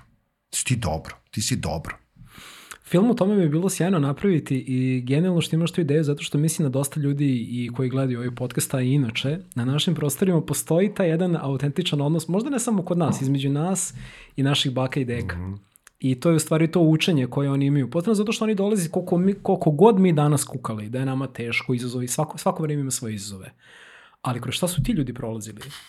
Svetske ratove, nemaštine. Prvi svetski rat i drugi mi su odnali 50% muškog stanovništva Srbije. A misli to? Svaki drugi muškarac je poginuo. Kroz šta su oni prolazili? I onda dolazili u ta stanja. Tako je i prenosili Tako to učenje. To je, to je sjajno. To bi trebalo Tako da se dokumentuje na taj način. Mislim da bi dosta ljudi s tim moglo da se poveže. Znaš, kako Ovaj, nekako mislim da kada su te teške situacije i to, znaš, mislim da su oni to jako dobro razumeli, a to je ta, ta ono, poruka najveća možda, a to je ne opiri se zlu. Znaš, kao ne opiri se toj teškoći. Prvo je u početku, ono, prvo je prihvati da je tako kako jeste. Mislim, možda nam se ne sviđa i žao nam je što je tako, ali ajde, ono, pa malo se samo primiri da bi mogao da ideš, da ideš dalje. Mislim, loših situacija, evo, mislim, svedoci smo danas, pa svašta se dešava. A to što kažeš, kroz šta su oni prošli, kroz šta ono, kada gledaš ono kako tvoje pred tvojim očima, kako nestaju pred tvojim očima, zamisli to, ideš sa tim i ostaneš i dalje i kažeš, dobro, bit će sve. Da, da, da. Znaš, što to kao zvuči kao, ne, to ide iz uh, duboke, uh, istinske uh, mudrosti i prihvatanja iskustva nekog koje je bilo. A zašto je uopšte nastao roman Moja baba Zen budista? Zato što, znaš, kao, kad sam to, te programe Louise Hay doneo ovde, pa kad sam o tome malo počeo da pričam, sam shvatio, pa je ovde, ovde sve nešto što sam ja slušao. Ovde je sve ne... A stalno dobijam, odem, gostovo sam po televizijama ili sretnem ljude, pa dobro, to sad Siniša ti to priča, to su ovi Amerikanci, ili dobro, to verovatno ovi tamo istočnjaci, pa to vero... Šta? Pa evo ti ovde, ovde su ti, ovde... Ljudi moji, te kako mi imamo tu mudrost. Znači, nije, Tako ona, je. nije ona ništa I- ekskluzivno i tako je, egzotično. tako je. I ona je univerzalna i gde god imaš Da, da, da, stare da, da, ljude, da. gde god imaš ono u bilo kom delu sveta, tam, ta, ta istina je univerzalna i ona je iskonska, ona nema veze sa tim da je Louisa Hay nešto, ne, ona se povezala sa tim, jer je to i u njoj i to je u svakom i onaj ko to čita, čuje, ko to prepozna, znači da se konektuje sa tim. I ako si se konektovao s tim, to ti je znak i jako dobar signal. Idi ka tome. Idi ka tome jer tu leži, tu leži ključ za sve. Kad smo kod znakova, Ajde. znam da si u svakom intervju ikad pričao bi o tome kako si došao do Louise Hay, ali upravo sad, uh, apropo ovog o čemu pričamo, um, priče imaju tu jednu moć da pokrenu ljude. To što se tebi desilo i kako si ti došao do Luizinog učenja je stvarno priča koja ima neverovatnu pokretačku moć. Pa bih te zamolio da je i ovom prilikom podeliš, ili hoćeš možda ja da je podelim, ako tebi već dosta tome. Pa ne, ne znam na šta da ti kažem, da, da to sam ti ja rekao kad smo, kad Ne smo mogu sedeli, više o tome da pričam, Pa ne, ali, zato što brate, dobra je utisak, priča. Da, stalno imam Ono, utisak da je to znači- kao, već sam to mnogo puta ispričao. Da, ali evo I za onda gledalce kao koji, možda, neku, koji da. možda nisu tu priču čuli. Stvarno, um, priča neverovatno lepo ilustruje kako nam u životu jednostavno dođe nešto u trenutku kada nam treba. Hmm. Ti si to doživao. Ja sam to doživeo i znači prvi moj neki kao svesni susret uopšte sa nekim drugačijim pogledom bio je uh, kroz onaj uh, film Secret, Tajna, gde sam Aha. tu prvi put čuo za to da naše misli nešto utiču, da su kreativne, da, da privlače tamo vamo. I mene je to držalo i stvarno mi je bilo nekih te 2009. malo me je to kao pokrenulo, međutim 15-20 dana, mesec dana ja sam bio na tom va- vajbu, super je bilo i onda kao, sve isto mislim, šta sad. Da, da, I onda godinu dana posle toga uh, se desi da je, uh, u stvari da, te, te, te iste godine, par meseci posle toga, još uvek imamo tu pizzeriju i moja žena ide da radi u pizzeriju, ja ostajem u stanu.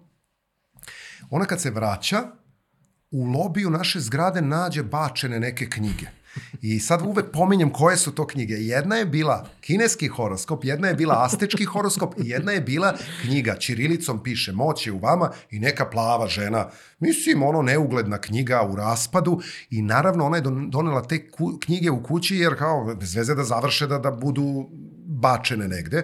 I sad donela te i stavila na sto, ja gledam te knjige, a ja čitam, ja, ja čitam, ja ne mogu ti opišem koliko čitam, volim prosto sve, sve, kako sam video kineski horoskop, astečki horoskop, pa se još gađa s mojim, mene Sad sam teo da kažem, kakva Luiza kao, kad sam vidio kineski Ki, pa horoskop, to ti kažem. Pa kao kakvi? Jer ja sam do tog trenutka, u, samo da im da ću imam sreće.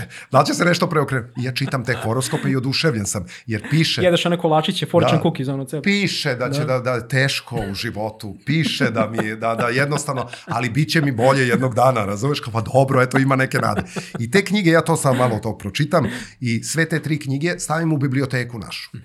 I ok, to stoji tamo, to Luizo, to nisam ni otvorio, jer mi se stvarno ono, mislim, blam to da čitam, kao, mislim, glupost, kao, šta je ovo? Znaš, kao, moć je u vama, ma da, znaš, drugo kao ta neka, znaš, to, to su neke gluposti. Uglavnom, tu ja stavim i ništa.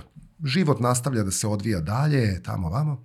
I u jednom trenutku ja dobijam ulogu u jednoj predstavi u, ovde u ateljevu 212, a, prođem audiciju, sve fenomenalno i ono, odlazim, prolazim, fenomenalno to sve bude i odlazim na, na tu prvu probu tako imam neki dobar osjećaj, znaš, jer sam stvarno razbio, ono, uzeo smo sa časove pevanja, plesa, sve, baš sam bio dobar na, na audiciji i dolazim i sedamo i ovaj reditelj čita podelu.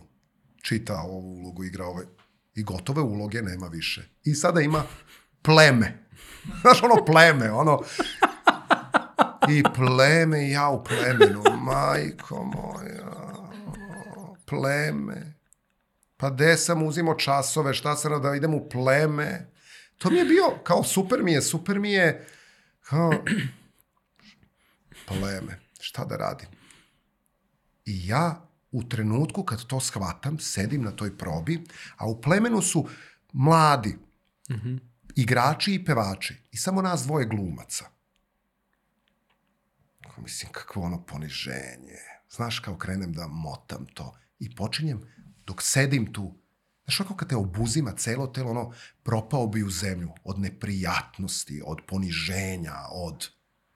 Završava se proba, e, ja kapiram, idem kući, ujutru ću da vratim to, mislim, neću da igram u to. Idem kući, osjećam se odvratno.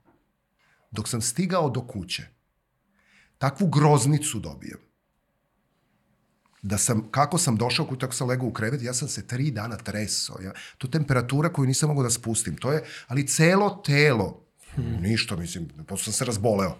Jer je to zima, kapiram da je grip, mislim, Treći dan malo mi je bolje i kao, pošto ležim, znaš, još uvek nemo, javio sam u pozorištu da ne mogu na probe da idem. I kao, uzem nešto da čitam, znaš, i sad ja sam gotovo sve knjige kod sebe pročitao. I o, po biblioteci ovako nešto, i kako sam izvlačio nešto tako od ozgo, mi bukvalno ovako kako izlačim padne, moć je u vama, Luisa Hay. Uzmem aj kao, mislim, možda je to nešto lagano da čitam, da se ne opterećujem. Kao, I krenem da čitam.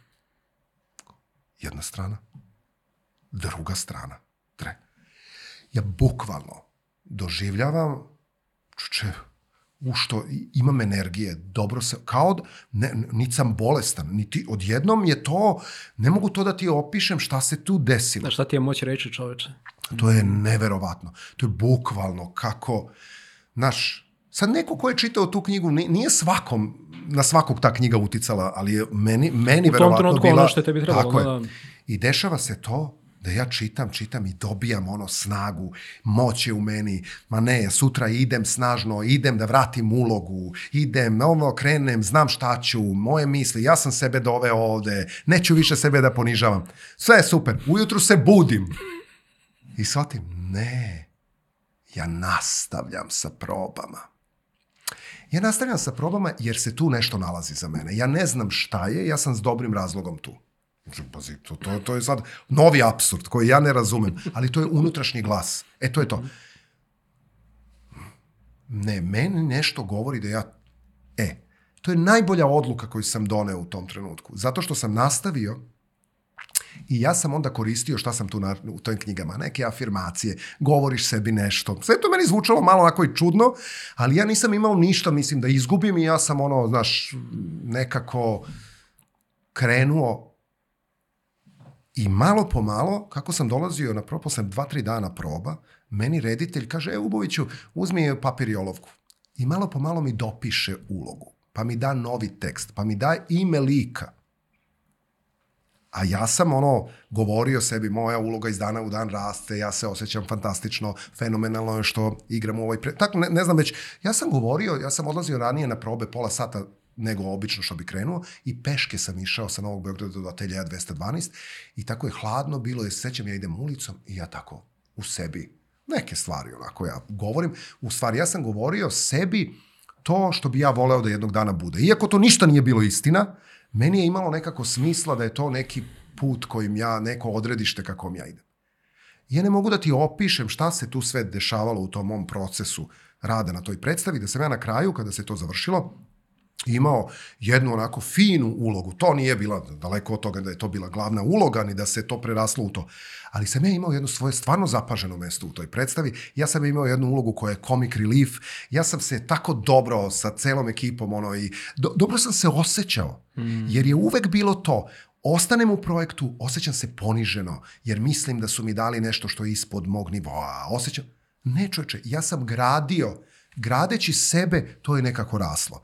I za mene je to bila jedna stvarno fantastična platforma za moje učenje i taj proces je trajao. Ja sam do kraja cele sezone igrao u toj predstavi a, i kad je se to završilo, ja sam shvatio, e, ovo je kraj ove lekcije i meni je ovo bilo dovoljno i sad idem dalje. Tako da je, da je, to, bilo, da je to bilo to. I onda, u tom čitavom procesu, kako se to sve dešavalo, uh, dok, su, dok smo još uvek radili na predstavi, meni, ne znam kako ja dođem u e, priliku da nabavim film, o, dokumentarni film o životu Louise Hay. Mhm, da, ima ga na YouTube-u, stavit ću link. Da, moguće, Mo, you can heal your life. Jeste, ja gledam da. taj film i vidim kako sam video tu ženu i ja shvatim čuči, ja ovu ženu poznajem. Ja ovu ženu znam. Mislim, kako? Znaš, ali ovo, ja ovu ženu znam, nemam pojma. I toliko meni taj film bude snažan da ja, kaže moja ženi, ej, slušaj, ja ću sad da napišem pismo Louise Hay. Kaže ona, kome že pišeš pismo? Ja kažem, pa ovo je Hay. Kao, gde ćeš da je pošalješ pismo? Ne, ne, ne znam, rekao, aj samo molim te, idite ti deca napolje, mi smo živjeli u malom stanu, ovo, samo mi treba mir da ja sednem i da napišem. Ona kaže, daj, ne zanosi se.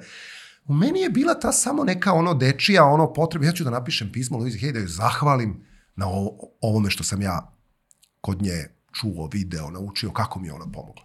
I ja dve strane na nekom engleskom, ono, kako je bilo, onda sam poslao taj mail mojoj sestri da ona to malo uobliči da bi ova mogla žena da razume o čemu se tu radi. Uglavnom, ja pošaljem taj mail, uh, hoću da pošaljem taj mail i sad kao čovječe, gde da pošaljem, ne možda nađeš mail Louise Hay.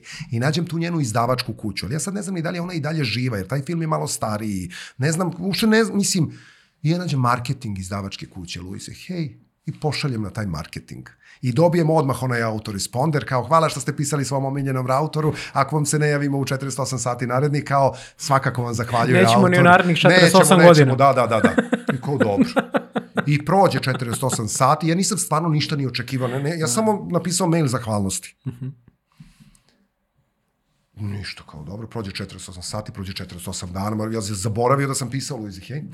I dolazi uh, Đurđevdan, 6. maj, slava moja, uh, slava kod, u kući moje baba Zorke i mi idemo, idemo tamo jer tamo slavimo slavu i ujutru moja žena gleda mailove, uh, ja sam pogledao mailove, video sam nešto, tu, tu su neki, našao neki spamovi nešto, I ja to ne, ništa ne čitam. Kad vidim da je strani jezik, ništa, ono, znaš, neka imena nepoznata. Međutim, moja žena, ona je ono analitičar, ono, ona zove mene i kaže, ej, Siniša, kako si pogledao mailove? Kao, jesam. Pa si pročitao ovaj mail koji ti je stigao? Ja kažem, ne, nisam čitao, ne. Ne, ne, dođi da pročitaš. Neko Shelley Anderson neka piše. Kažem, što da čitam? Ne, ne, čitaj, čitaj, čitaj. Kao, dear Siniša, kao, dragi Siniša, vi ste pre izvesnog vremena pisali Louise Hay i ovaj, ona vas pozdravlja i zahvaljuje na poruci koju ste poslali. I evo ima lična poruka od nje.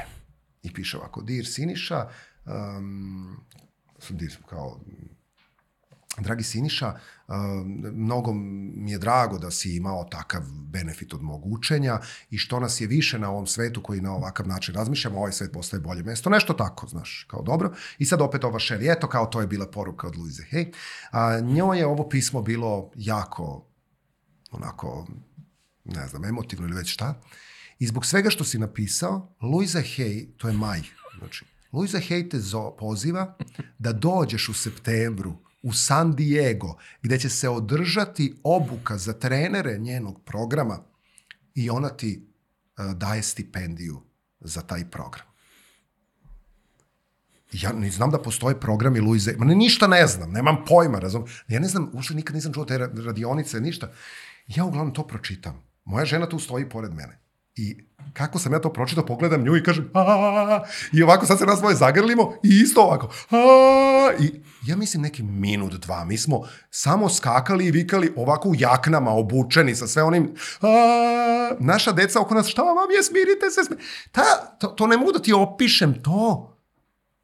Čoveče. Mm, e, onda su nastupili neki drugi problemi, a to je kao, ja, da li da joj pišem, ja nemam para za avionsku kartu, kako ću ja da odem u Ameriku, ja nemam para E, onda su krenule da se otvaraju neke potpuno druge stvari, jer kada si na dobrom putu, na svom putu, onda i onda ja tu nešto ne, ne, nešto, se, nešto se desi i ja u septembru i završim tu edukaciju i ja postanem prvi i jedini stipendista Louise Hay ikada.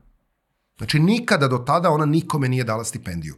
A kako Čoveš. je dobila taj mail? Tako što je sekretarica, njena lična asistentkinja, nešto ušla u spam i nešto joj je bilo valjda neobično ime, pa je ona otvorila moj mail i videla mail od pre tri meseca. I pročitala mail i oduševila se i mislila da to Luiza treba da pročita. I Luiza pročita i ono, rest is history. I tako se to, tako se to Kakva desi. priča. Hvala da. što si podelio. Baš da. je ovaj... Meni je uvek uzbudljivo, znaš, da. ono, ne znam, ali kažem... A to, ono, da, to su nije... te neke momenti da. koji su bukvalno, da kaže čovjek, da ne poveruje. Tako je. I kao mogući su. Ja to svim je. ljudima koji gledaju, uvek vi nik, niko od nas ne zna šta je za naš život spremio. Ni mi nemamo pojma. Tako je. Jedino što možemo da uradimo da se otvorimo. Tako je i da probamo. I ako osetimo nešto, trebamo da uradimo kao što si ti osti sa pismom, da to uradimo. Ako neko osti potrebno da se nekome obrati... da se baviš time, da, da, da treba, nemo radi. Ako da. osjetiš samo... Nije glupo, nije glupo, da. mislim nije glupo. Neverovatno. Znaš, neverovatno. to je... Hvala ti puno što si podelio tu priču. Ono u što bih sad ušao jeste jedna bitna tema, a to je nešto što je inače zajedničko za tvoj i za moj život. Nas, mislim i ti i ja smo odrastali bez oca. Mhm. Uh -huh. I ono što bih htio da te pitam, pošto nažalost to više nije toliko redak slučaj, puno muškaraca odrasta bez svog oca i uh, tu nastaje taj veliki problem gde u stvari odrastamo bez tog jednog oslanca koji bi trebao da dođe sa očeve strane. Igrom sudbini slučaj kod tebe je tvoj otac otišao dok si bio mladi, taj oslanac je u tom smislu nestao. I htio sam da te pitam na koji način si, s obzirom da si danas i sam otac, uspeo da nađeš taj jedan oslonac koji ti je nekako pomogao u tom nekom nedostatku? Ove, šta, je, šta je bilo to što ti je pomoglo u njegovom odsustvu? Hm. Uh, moj otac je otišao pre nego što sam se ja rodio, tako da ja uh, sam oca svog svojevoljno uh, ono, krenuo kada sam kao eto punoletan postao. Kre, sam sam otišao da ga pronađem i sa 18 godina sam upoznao svog oca. I to je bilo okej, okay, ono, znaš, u redu. U redu. I videli smo se nekoliko puta posle još u životu i ono što je na primjer meni vrlo zanimljivo da evo i danas kada onako naš se setim toga nije mi bilo ni prijatno ni neprijatno iskustvo. To je samo osjećaj kao da sam ono, u kontaktu sa ocem nekog svog drugara, pa su kao pričamo neke priče, ono, znaš, a ne dotičemo se. Znaš, kad sam ga prvi put sreo, ja tada nisam bio na putu svog ličnog razvoja, bilo čega, sada bih možda drugačije razgovarao, mm -hmm. tada što, samo da se ne dotaknemo teme, znaš, samo da ne uđeš u temu. A ono što je bilo, što je obeležilo moje, moje detinstvo u tom smislu jeste upravo to nešto što je za mene bilo najteže i najbolnije, a to je da ti nisi kao drugi. Mm. To je baš bilo, znaš, nekako se ne uklapaš, ali sa tim osjećanjem, to jest sa onim što se emituje ka tebi, a to je s tobom nešto nije u redu. Mm. Kao da je to moj, kažem, kao da to ima, kao da sam to ja izabrao, kao da, znači ti nisi, ti, ti, ti nisi kako treba. Ti nisi kako treba. A da, onda, to se i meni isto desi. Mm -hmm.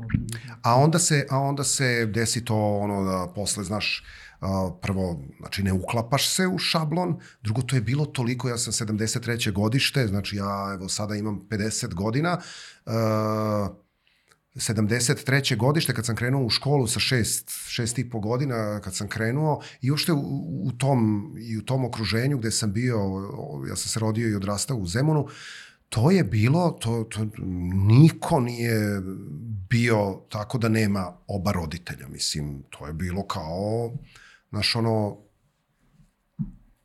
baš, baš nekako vrlo, vrlo negativno se gledalo, gledalo na to, a ja kao, klinac, ja sam to samo i percipirao kao nešto, ja nisam dobar, ja nisam, ja ne valjam. Ja, ja, onda se to posle nekako razvlačilo na to da sam ja, i to je jedno osjećanje s kojim sam se ja često nosio u životu, a to je da ne pripadam i da sam odbačen. Da nekako ono, ali da si ono okrnjen u startu i da prosto nema, tu nema, znaš, i ti sad ne baviš se ti toliko tim, ja ne razmišljam sad stalno o tome, ali to i tekako utiče na to kako ja u društvu funkcionišem, kako ja sam bio jako stidljiv, ja sam bio ono, uh, izvinite što postojim. Znači, zaista izvinite što postojim.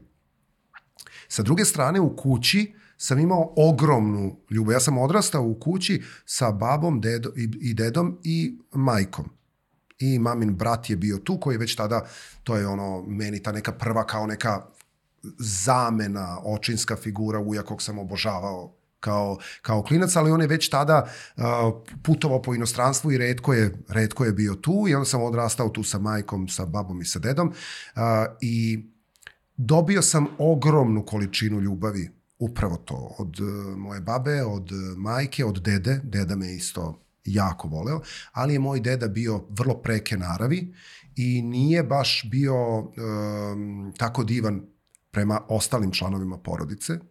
I ja kao dete sam to gledao i to je isto tako bilo bolno. I nekako sam, stalno je bio taj neki raskorak onako u meni. O, bilo je, znaš, s jedne strane jako puno ljubavi, a onda s druge strane gledaš puno nečega što i nije baš sa ljubav, uh, ali mislim da uh, je upravo sve to što sam doživljavao kao taj neki stid, kao tu neko nepripadanje, kao tu neku odbačenost, u stvari danas znam da je vodilo ka tome da u jednom trenutku upravo dođem do ove tačke u kojoj sam, a to je da danas pomažem ljudima da izgrade samopouzdanje. Da mm. kao neko ko se stideo, znači ja sam uvek išao, znaš, to, to je samo, samo onako, znaš, i kad se javljam u školi, i kad, o, sve je bilo samo, eto, znaš, onda je, e, to je bilo isto vrlo bizarno, uopšte ne znam zašto je to bilo, ali znači na početku svakog polugodišta i tromesečja, Uh, učiteljica je vodila neku evidenciju, pa se ona upisuje, pa znaš čiji roditelji su zaposleni, čiji nisu, čiji... Uh, ko... I sad to kao, o, dobro, čiji roditelji rade, čiji, čiji roditelji ovo. Kad dođe pitanje, ko, ne, ne sjećam se kako je bilo formulisano to pitanje, ali je bilo ko nema, ko ne živi s oba roditelja ili čiji su roditelji razvedeni, nema pojma, neko tako. Taj je morao, a to sam bio ja, da izađe pred tablu. Ja, bože. Ah. I ja stanem ispred table, da oni mene svi vide i onda se vratim na mesto. Možda to nije baš bilo tako, ali to ostalo u, kod mene urezano i bila je još jedna devojčica čiji su roditelji Ali baš ono nešto... simbolizam kao, evo da ga vidite. Bukvalno. Vrati se na mesto. I sad zamisli, naj, najgora stvar Suludo. za mene je bila da budem suludo. izložen negde, da negde stanem i da me neko gleda.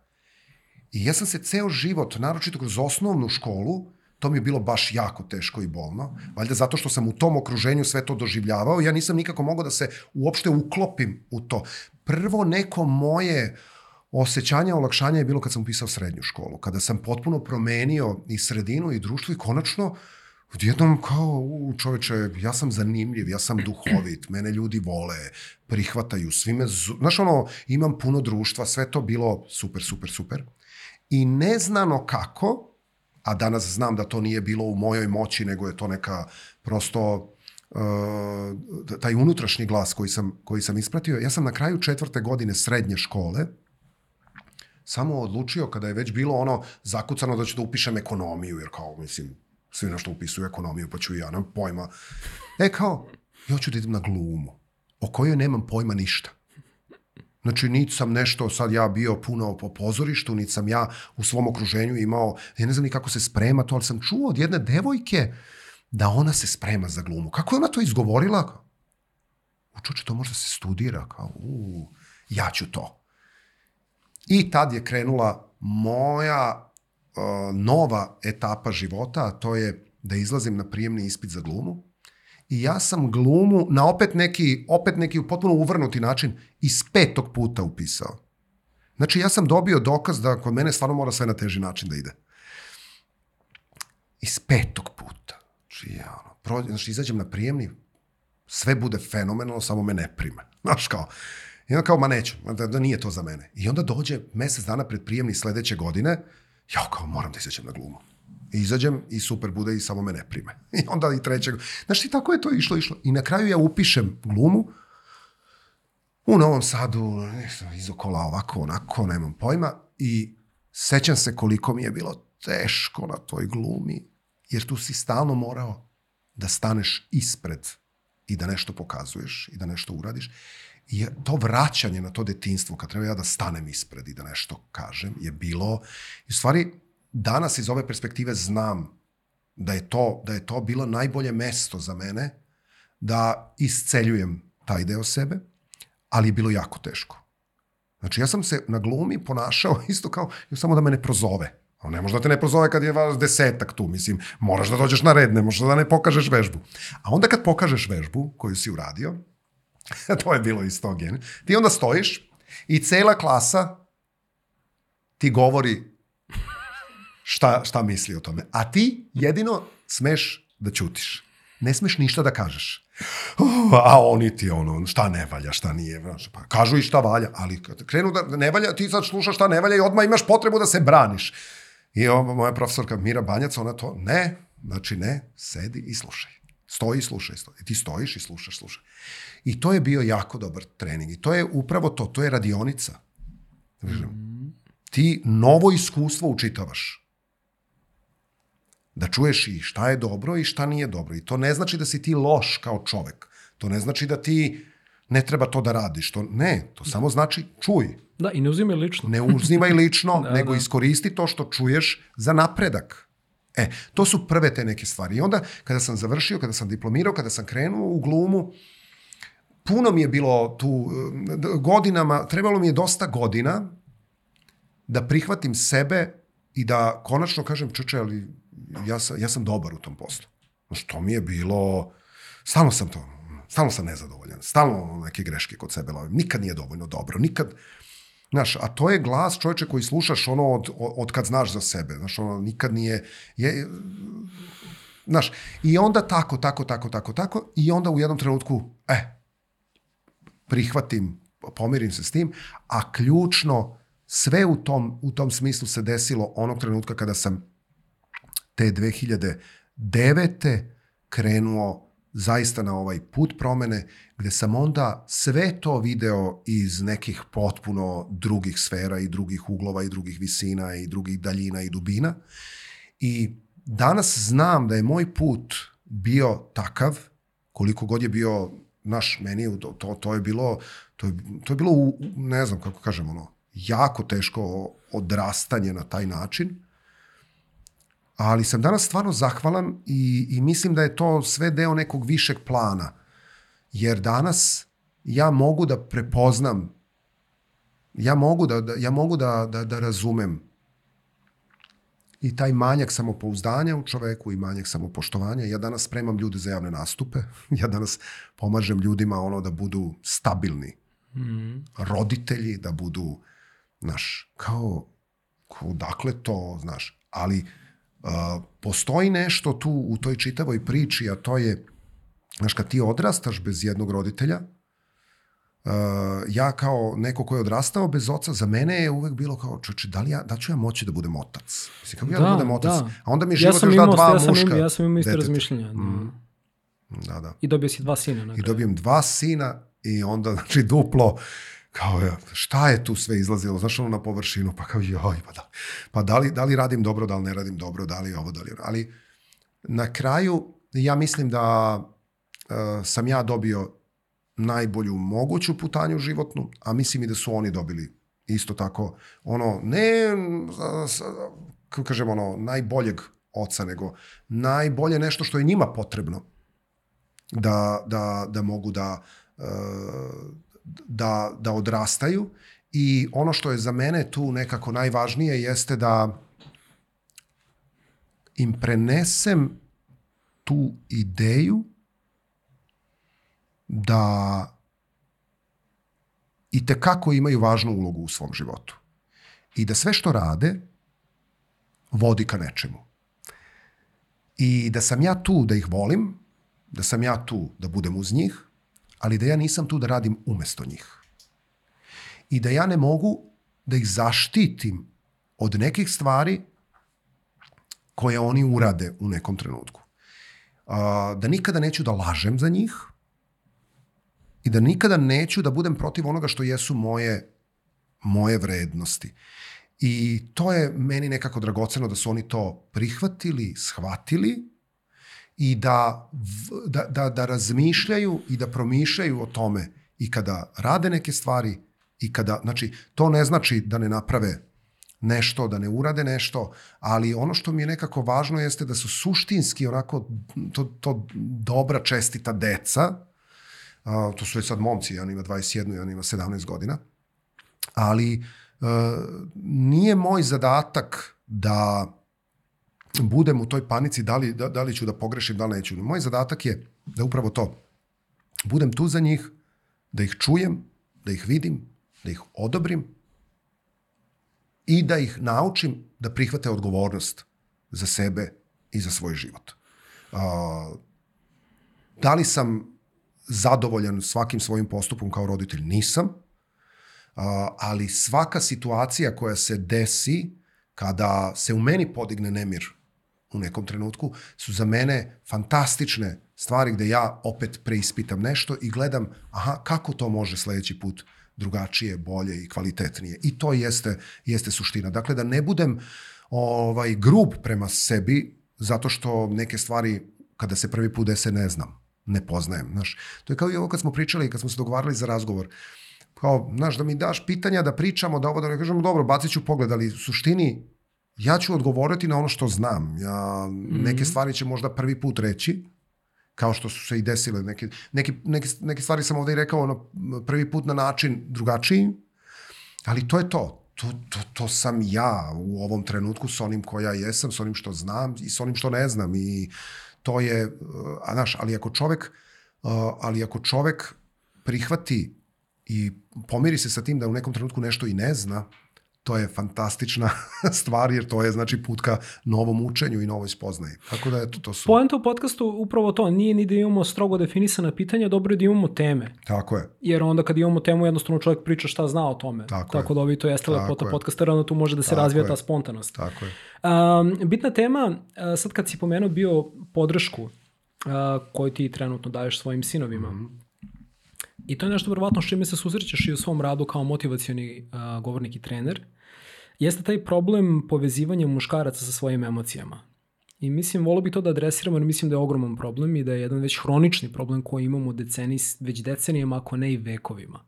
Da muškarci na našim prostorima, mislim ne samo i kod nas, smatruju da je iskazivanje emocija nekako uh, kukavička stvar, da je nekako nije u skladu sa tim nekim muškim arhetipom da je za slabiće. Mm -hmm. Um, to zapravo znači samo da se emocije koje svakako imaju muškarci kao i žene ovaj, gumilaju i da se stvara da tim jednim uverenjem da je slabost iskazivati emocije pravimo taj jedan mentalni zid iza kog bukvalno se gomila ta voda emocija koja u jednom trenutku probija tu mentalnu mm -hmm. branu i dolazi do eksplozije sa kojom zajedno eksplodiramo i mi. Mm -hmm.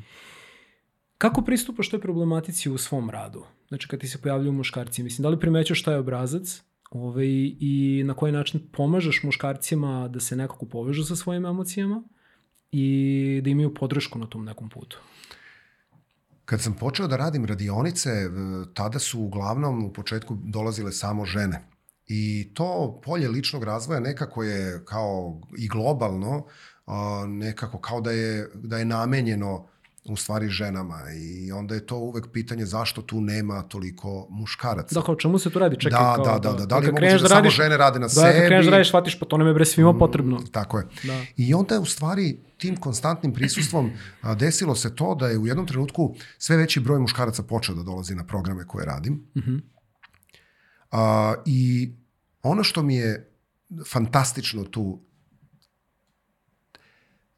ta nekako, sad kaže kao hrabrost da dođeš, ali zaista ti treba i neka ono, znaš kao da izađeš iz toga i da dođeš sad na neku, na neku radionicu, jer se tu ni ne, ne zna, naš ljudi ni nemaju pojma šta ih tu čeka, mm. a u stvari a, muškarac a, je kao Znaš to kao odvajanje muškarac i žena, pa sad kao ko žene su emotivnije, muš, pa ne, pa isto, mislim, u tebi kuljaju emocije neprestano i tebe nešto boli kao muškarca i ti imaš da se nosiš sa nekim situacijama i tebe je neko povredio i tebe je neko ostavio, tebi je neko, tebe je neko uvredio, tebe je neko ponizio. Zamisli to, ja mislim da čak muškarcima mnogo više danas je potreban ovakav program Zato što je muškarac taj koji je po defaultu neko ko mora da bude jak. Kad ti moraš, to je već jedna vrsta pritiska. I to je još jedna vrsta datosti protiv, ti ko, protiv koje ti ne ideš, jer imaš utisak da ukoliko dođeš u kontakt sa tim ranjivim, emotivnim delom sebe, da će sve da se raspadne. Mm. A u suštini, tim što to držiš i potiskuješ, ti u stvari stvaraš ogromne pritiske i tenzije unutar svoje porodice, na poslu, na svom telu. Muškarci danas, zašto muškarci uh, imaju često problem sa visokim pritiskom? Zašto muškarci imaju sa srcem? Zašto? To su takvi stresovi gde nema dovoljno radosti, gde nema dovoljno životne energije koja ne može da teče i da pumpa, da ta krv dolazi do srca. A šta je srce? Kakav je to organ? Pored onoga što, što, što ima tu osnovnu funkciju, ali to je mesto ljubavi. Šta je krvotok? Kroz krvotok teče radost životna.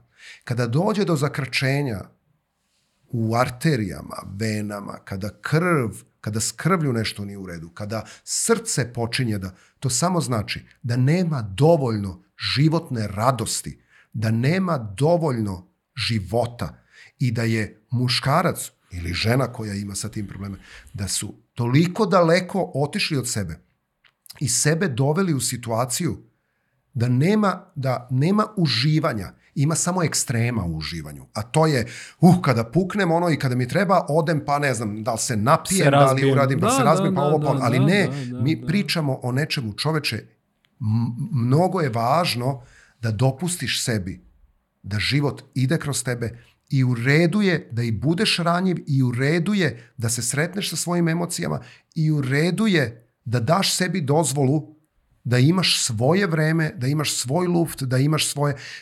muškarac je samo danas prihvatio isključivo stopostotnu odgovornost i za sebe i za svoju porodicu, i misli da, ta, da na taj način mora da funkcioniše. A onda trpi i porodica, trpi i posao, a najviše trpi on. I dođe u situaciju da kaže, ali čiji ja život živim? Da li je ovo, ali ako je ovo život, o kom sam ja sanjao. Naročito za ljude koji dođu do velikih uspeha, naročito u finansijskom smislu, u polju karijere. To su najčešće ljudi koji dolaze na moje programe. Mm -hmm. Ljudi koji su prevazišli taj finansijski, i to je upravo ta priča, pa nisu financije te koje će odrediti. Imaš ljude koji su u tom smislu potpuno sigurni, stabilni, imaju sve što im treba. Porodica im je obezbeđena. I žena ide sa decom i na skijanje i na letovanje, ali on teško da ide. Mm -hmm ili ako ode više je na telefonu i laptopu i na, na, na, na mm. rešavanju nego što je prisutan sa njima. Mm. Ja učim te ljude da, je, da, da se vrate u svoj život, da se vrate, da se oslobode pritiska, da puste da radost teče, da se pokrene. A kako se to postiže? Pa upravo kroz ovakve procese, kroz ovakve procesne radionice gde ćeš ti zaista osetiti taj protok osetit ćeš i shvatit ćeš da ti to prija i da je u redu da prestaneš da ovako čvrsto držiš se. Nego, oh, ok, opusti, opusti, opusti. I to je, i to je u stvari, to je u stvari ključ. I uh, zbog, zbog svih tih ljudi koji su se tu pojavljivali na mojim programima, Ja sam onda uh, radeći sa ljudima iz, naročito iz sveta biznisa kreirao i taj program koji se zove Total Motivation. Jer je taj program u stvari namenjen uh, naročito ljudima koji su izgubili taj balans. Jer je za mene taj balans i to je okosnica svakog mog rada, uh, da sve vodim kroz taj proces gde uh, je prisutan um, telo, duh i emocije. I onda to ljudima onako plastično objašnjam, postoji jedna šema gde je to kao kvadrat, jedan koji je podeljen na četiri dela. Um, telo, duh i emocije podjednako da budu zastupljeni.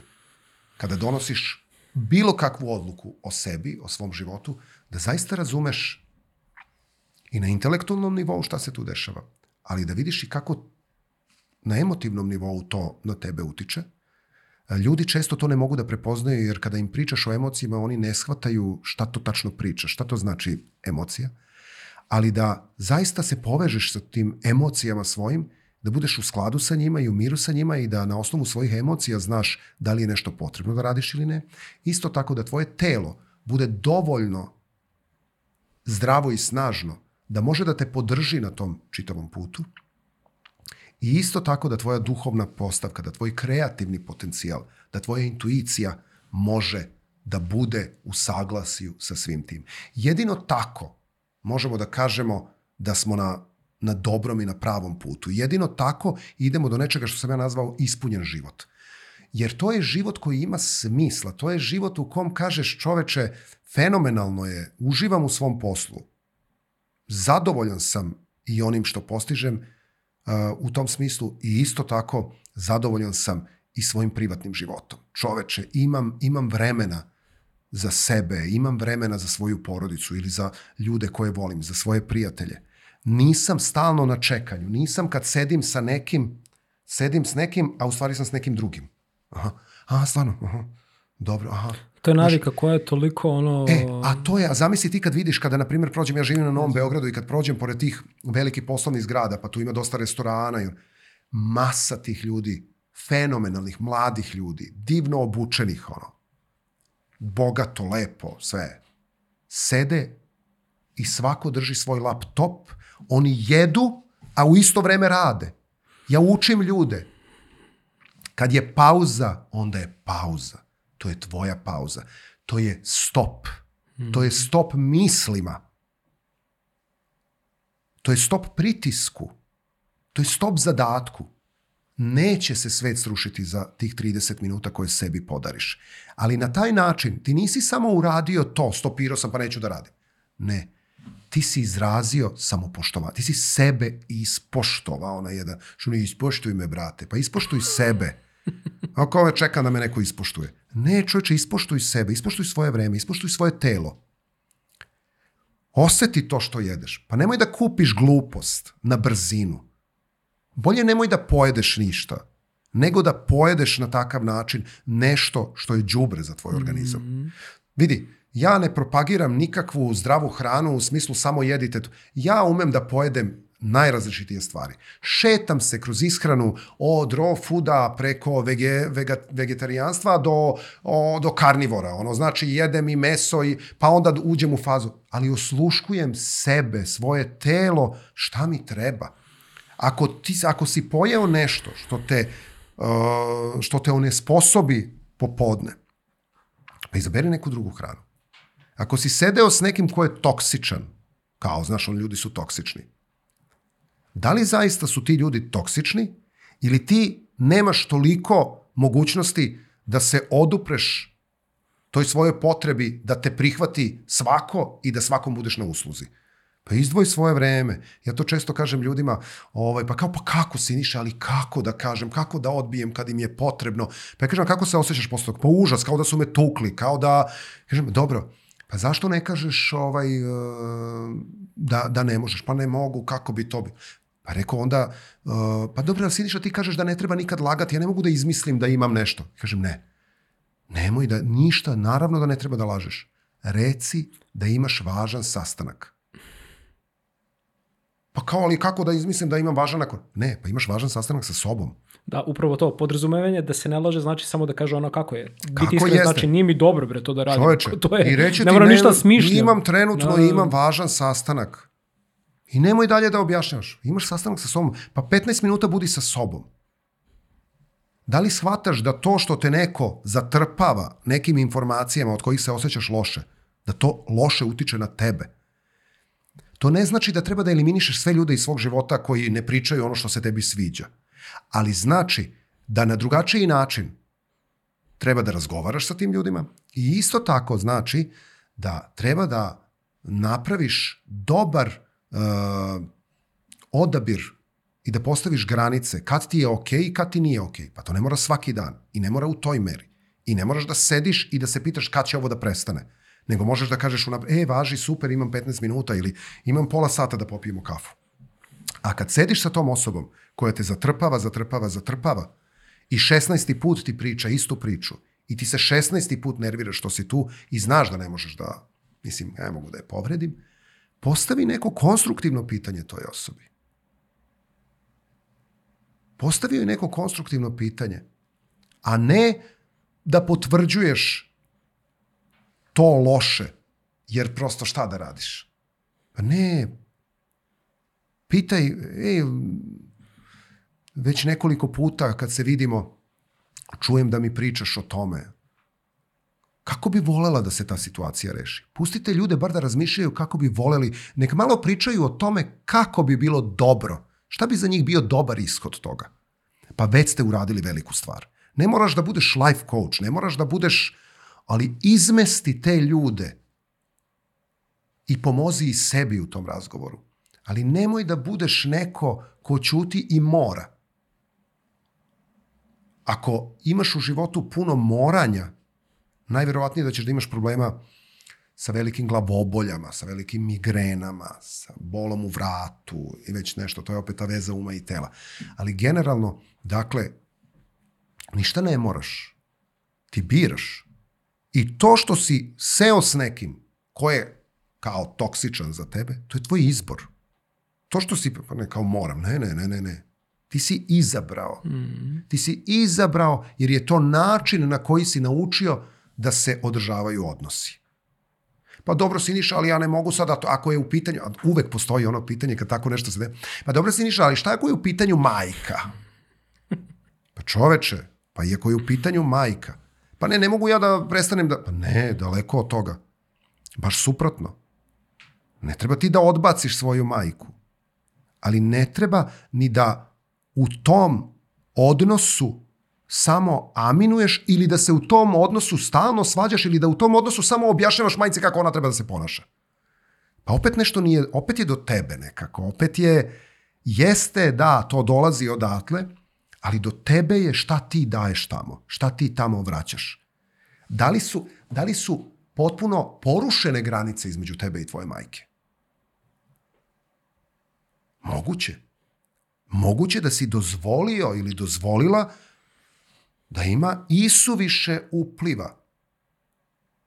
Dozvolio si ili dozvolila si da te to uznemirava. Ok, ajde. A kako bi voleo ti da se taj razgovor odvija? I mislim da je ključ za sve stvari u životu da šta god da nam je potrebno od života, od drugih, od bilo čega. Samo da se zapitamo, ok, ako mi to treba, kako ja to mogu da dam? Kako ja toga mogu više da unesem u svoj život. Jer sve što ti nedostaje, potrebno je da daš. Zamisli to. Ali genijalno. Zato što to već imaš.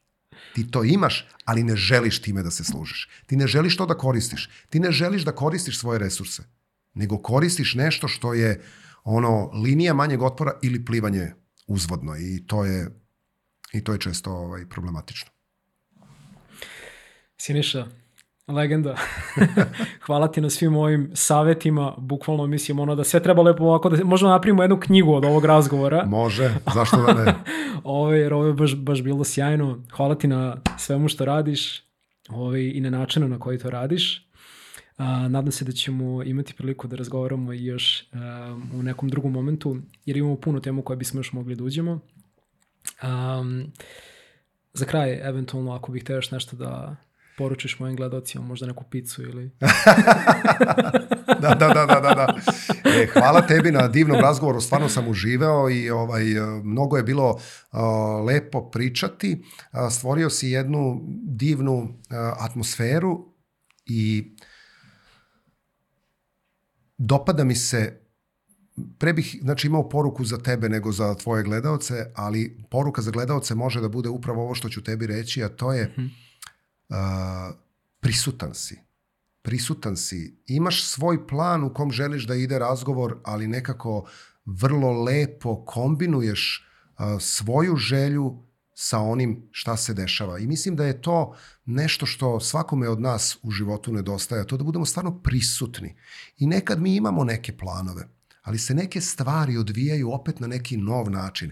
I upravo je to čarolija svega, a to je da iskombinujemo ta dva sveta, ta dva puta i da kreiramo neki opet potpuno, potpuno novi i to je ono što će dati osobenost. Tako da sam ja uživao u ovom našem razgovoru, bilo je fantastično putovanje i uh, ja verujem da je ovaj razgovor uh, jedan novi put promene uh, i za mene i za tebe, ali i za sve one koji nas gledaju. Mislim, voleo bih da je tako.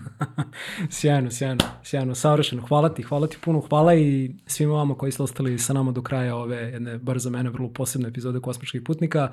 Sve ovo o čemu smo pričali, Siniša i ja, stavit ću, mislim, sve te neke ključne momenti knjige i programe koje, inače, Siniša ti vodiš, stavit ću u linkovima u opisu ispod ovog videa. A, podelite ovu epizodu sa svim osobama za koje smatrate da ona može iz nekog razloga da im znači, da im pomogne u rešavanju nekih životnih izazova i problema sa kojima mogu da se susretnu.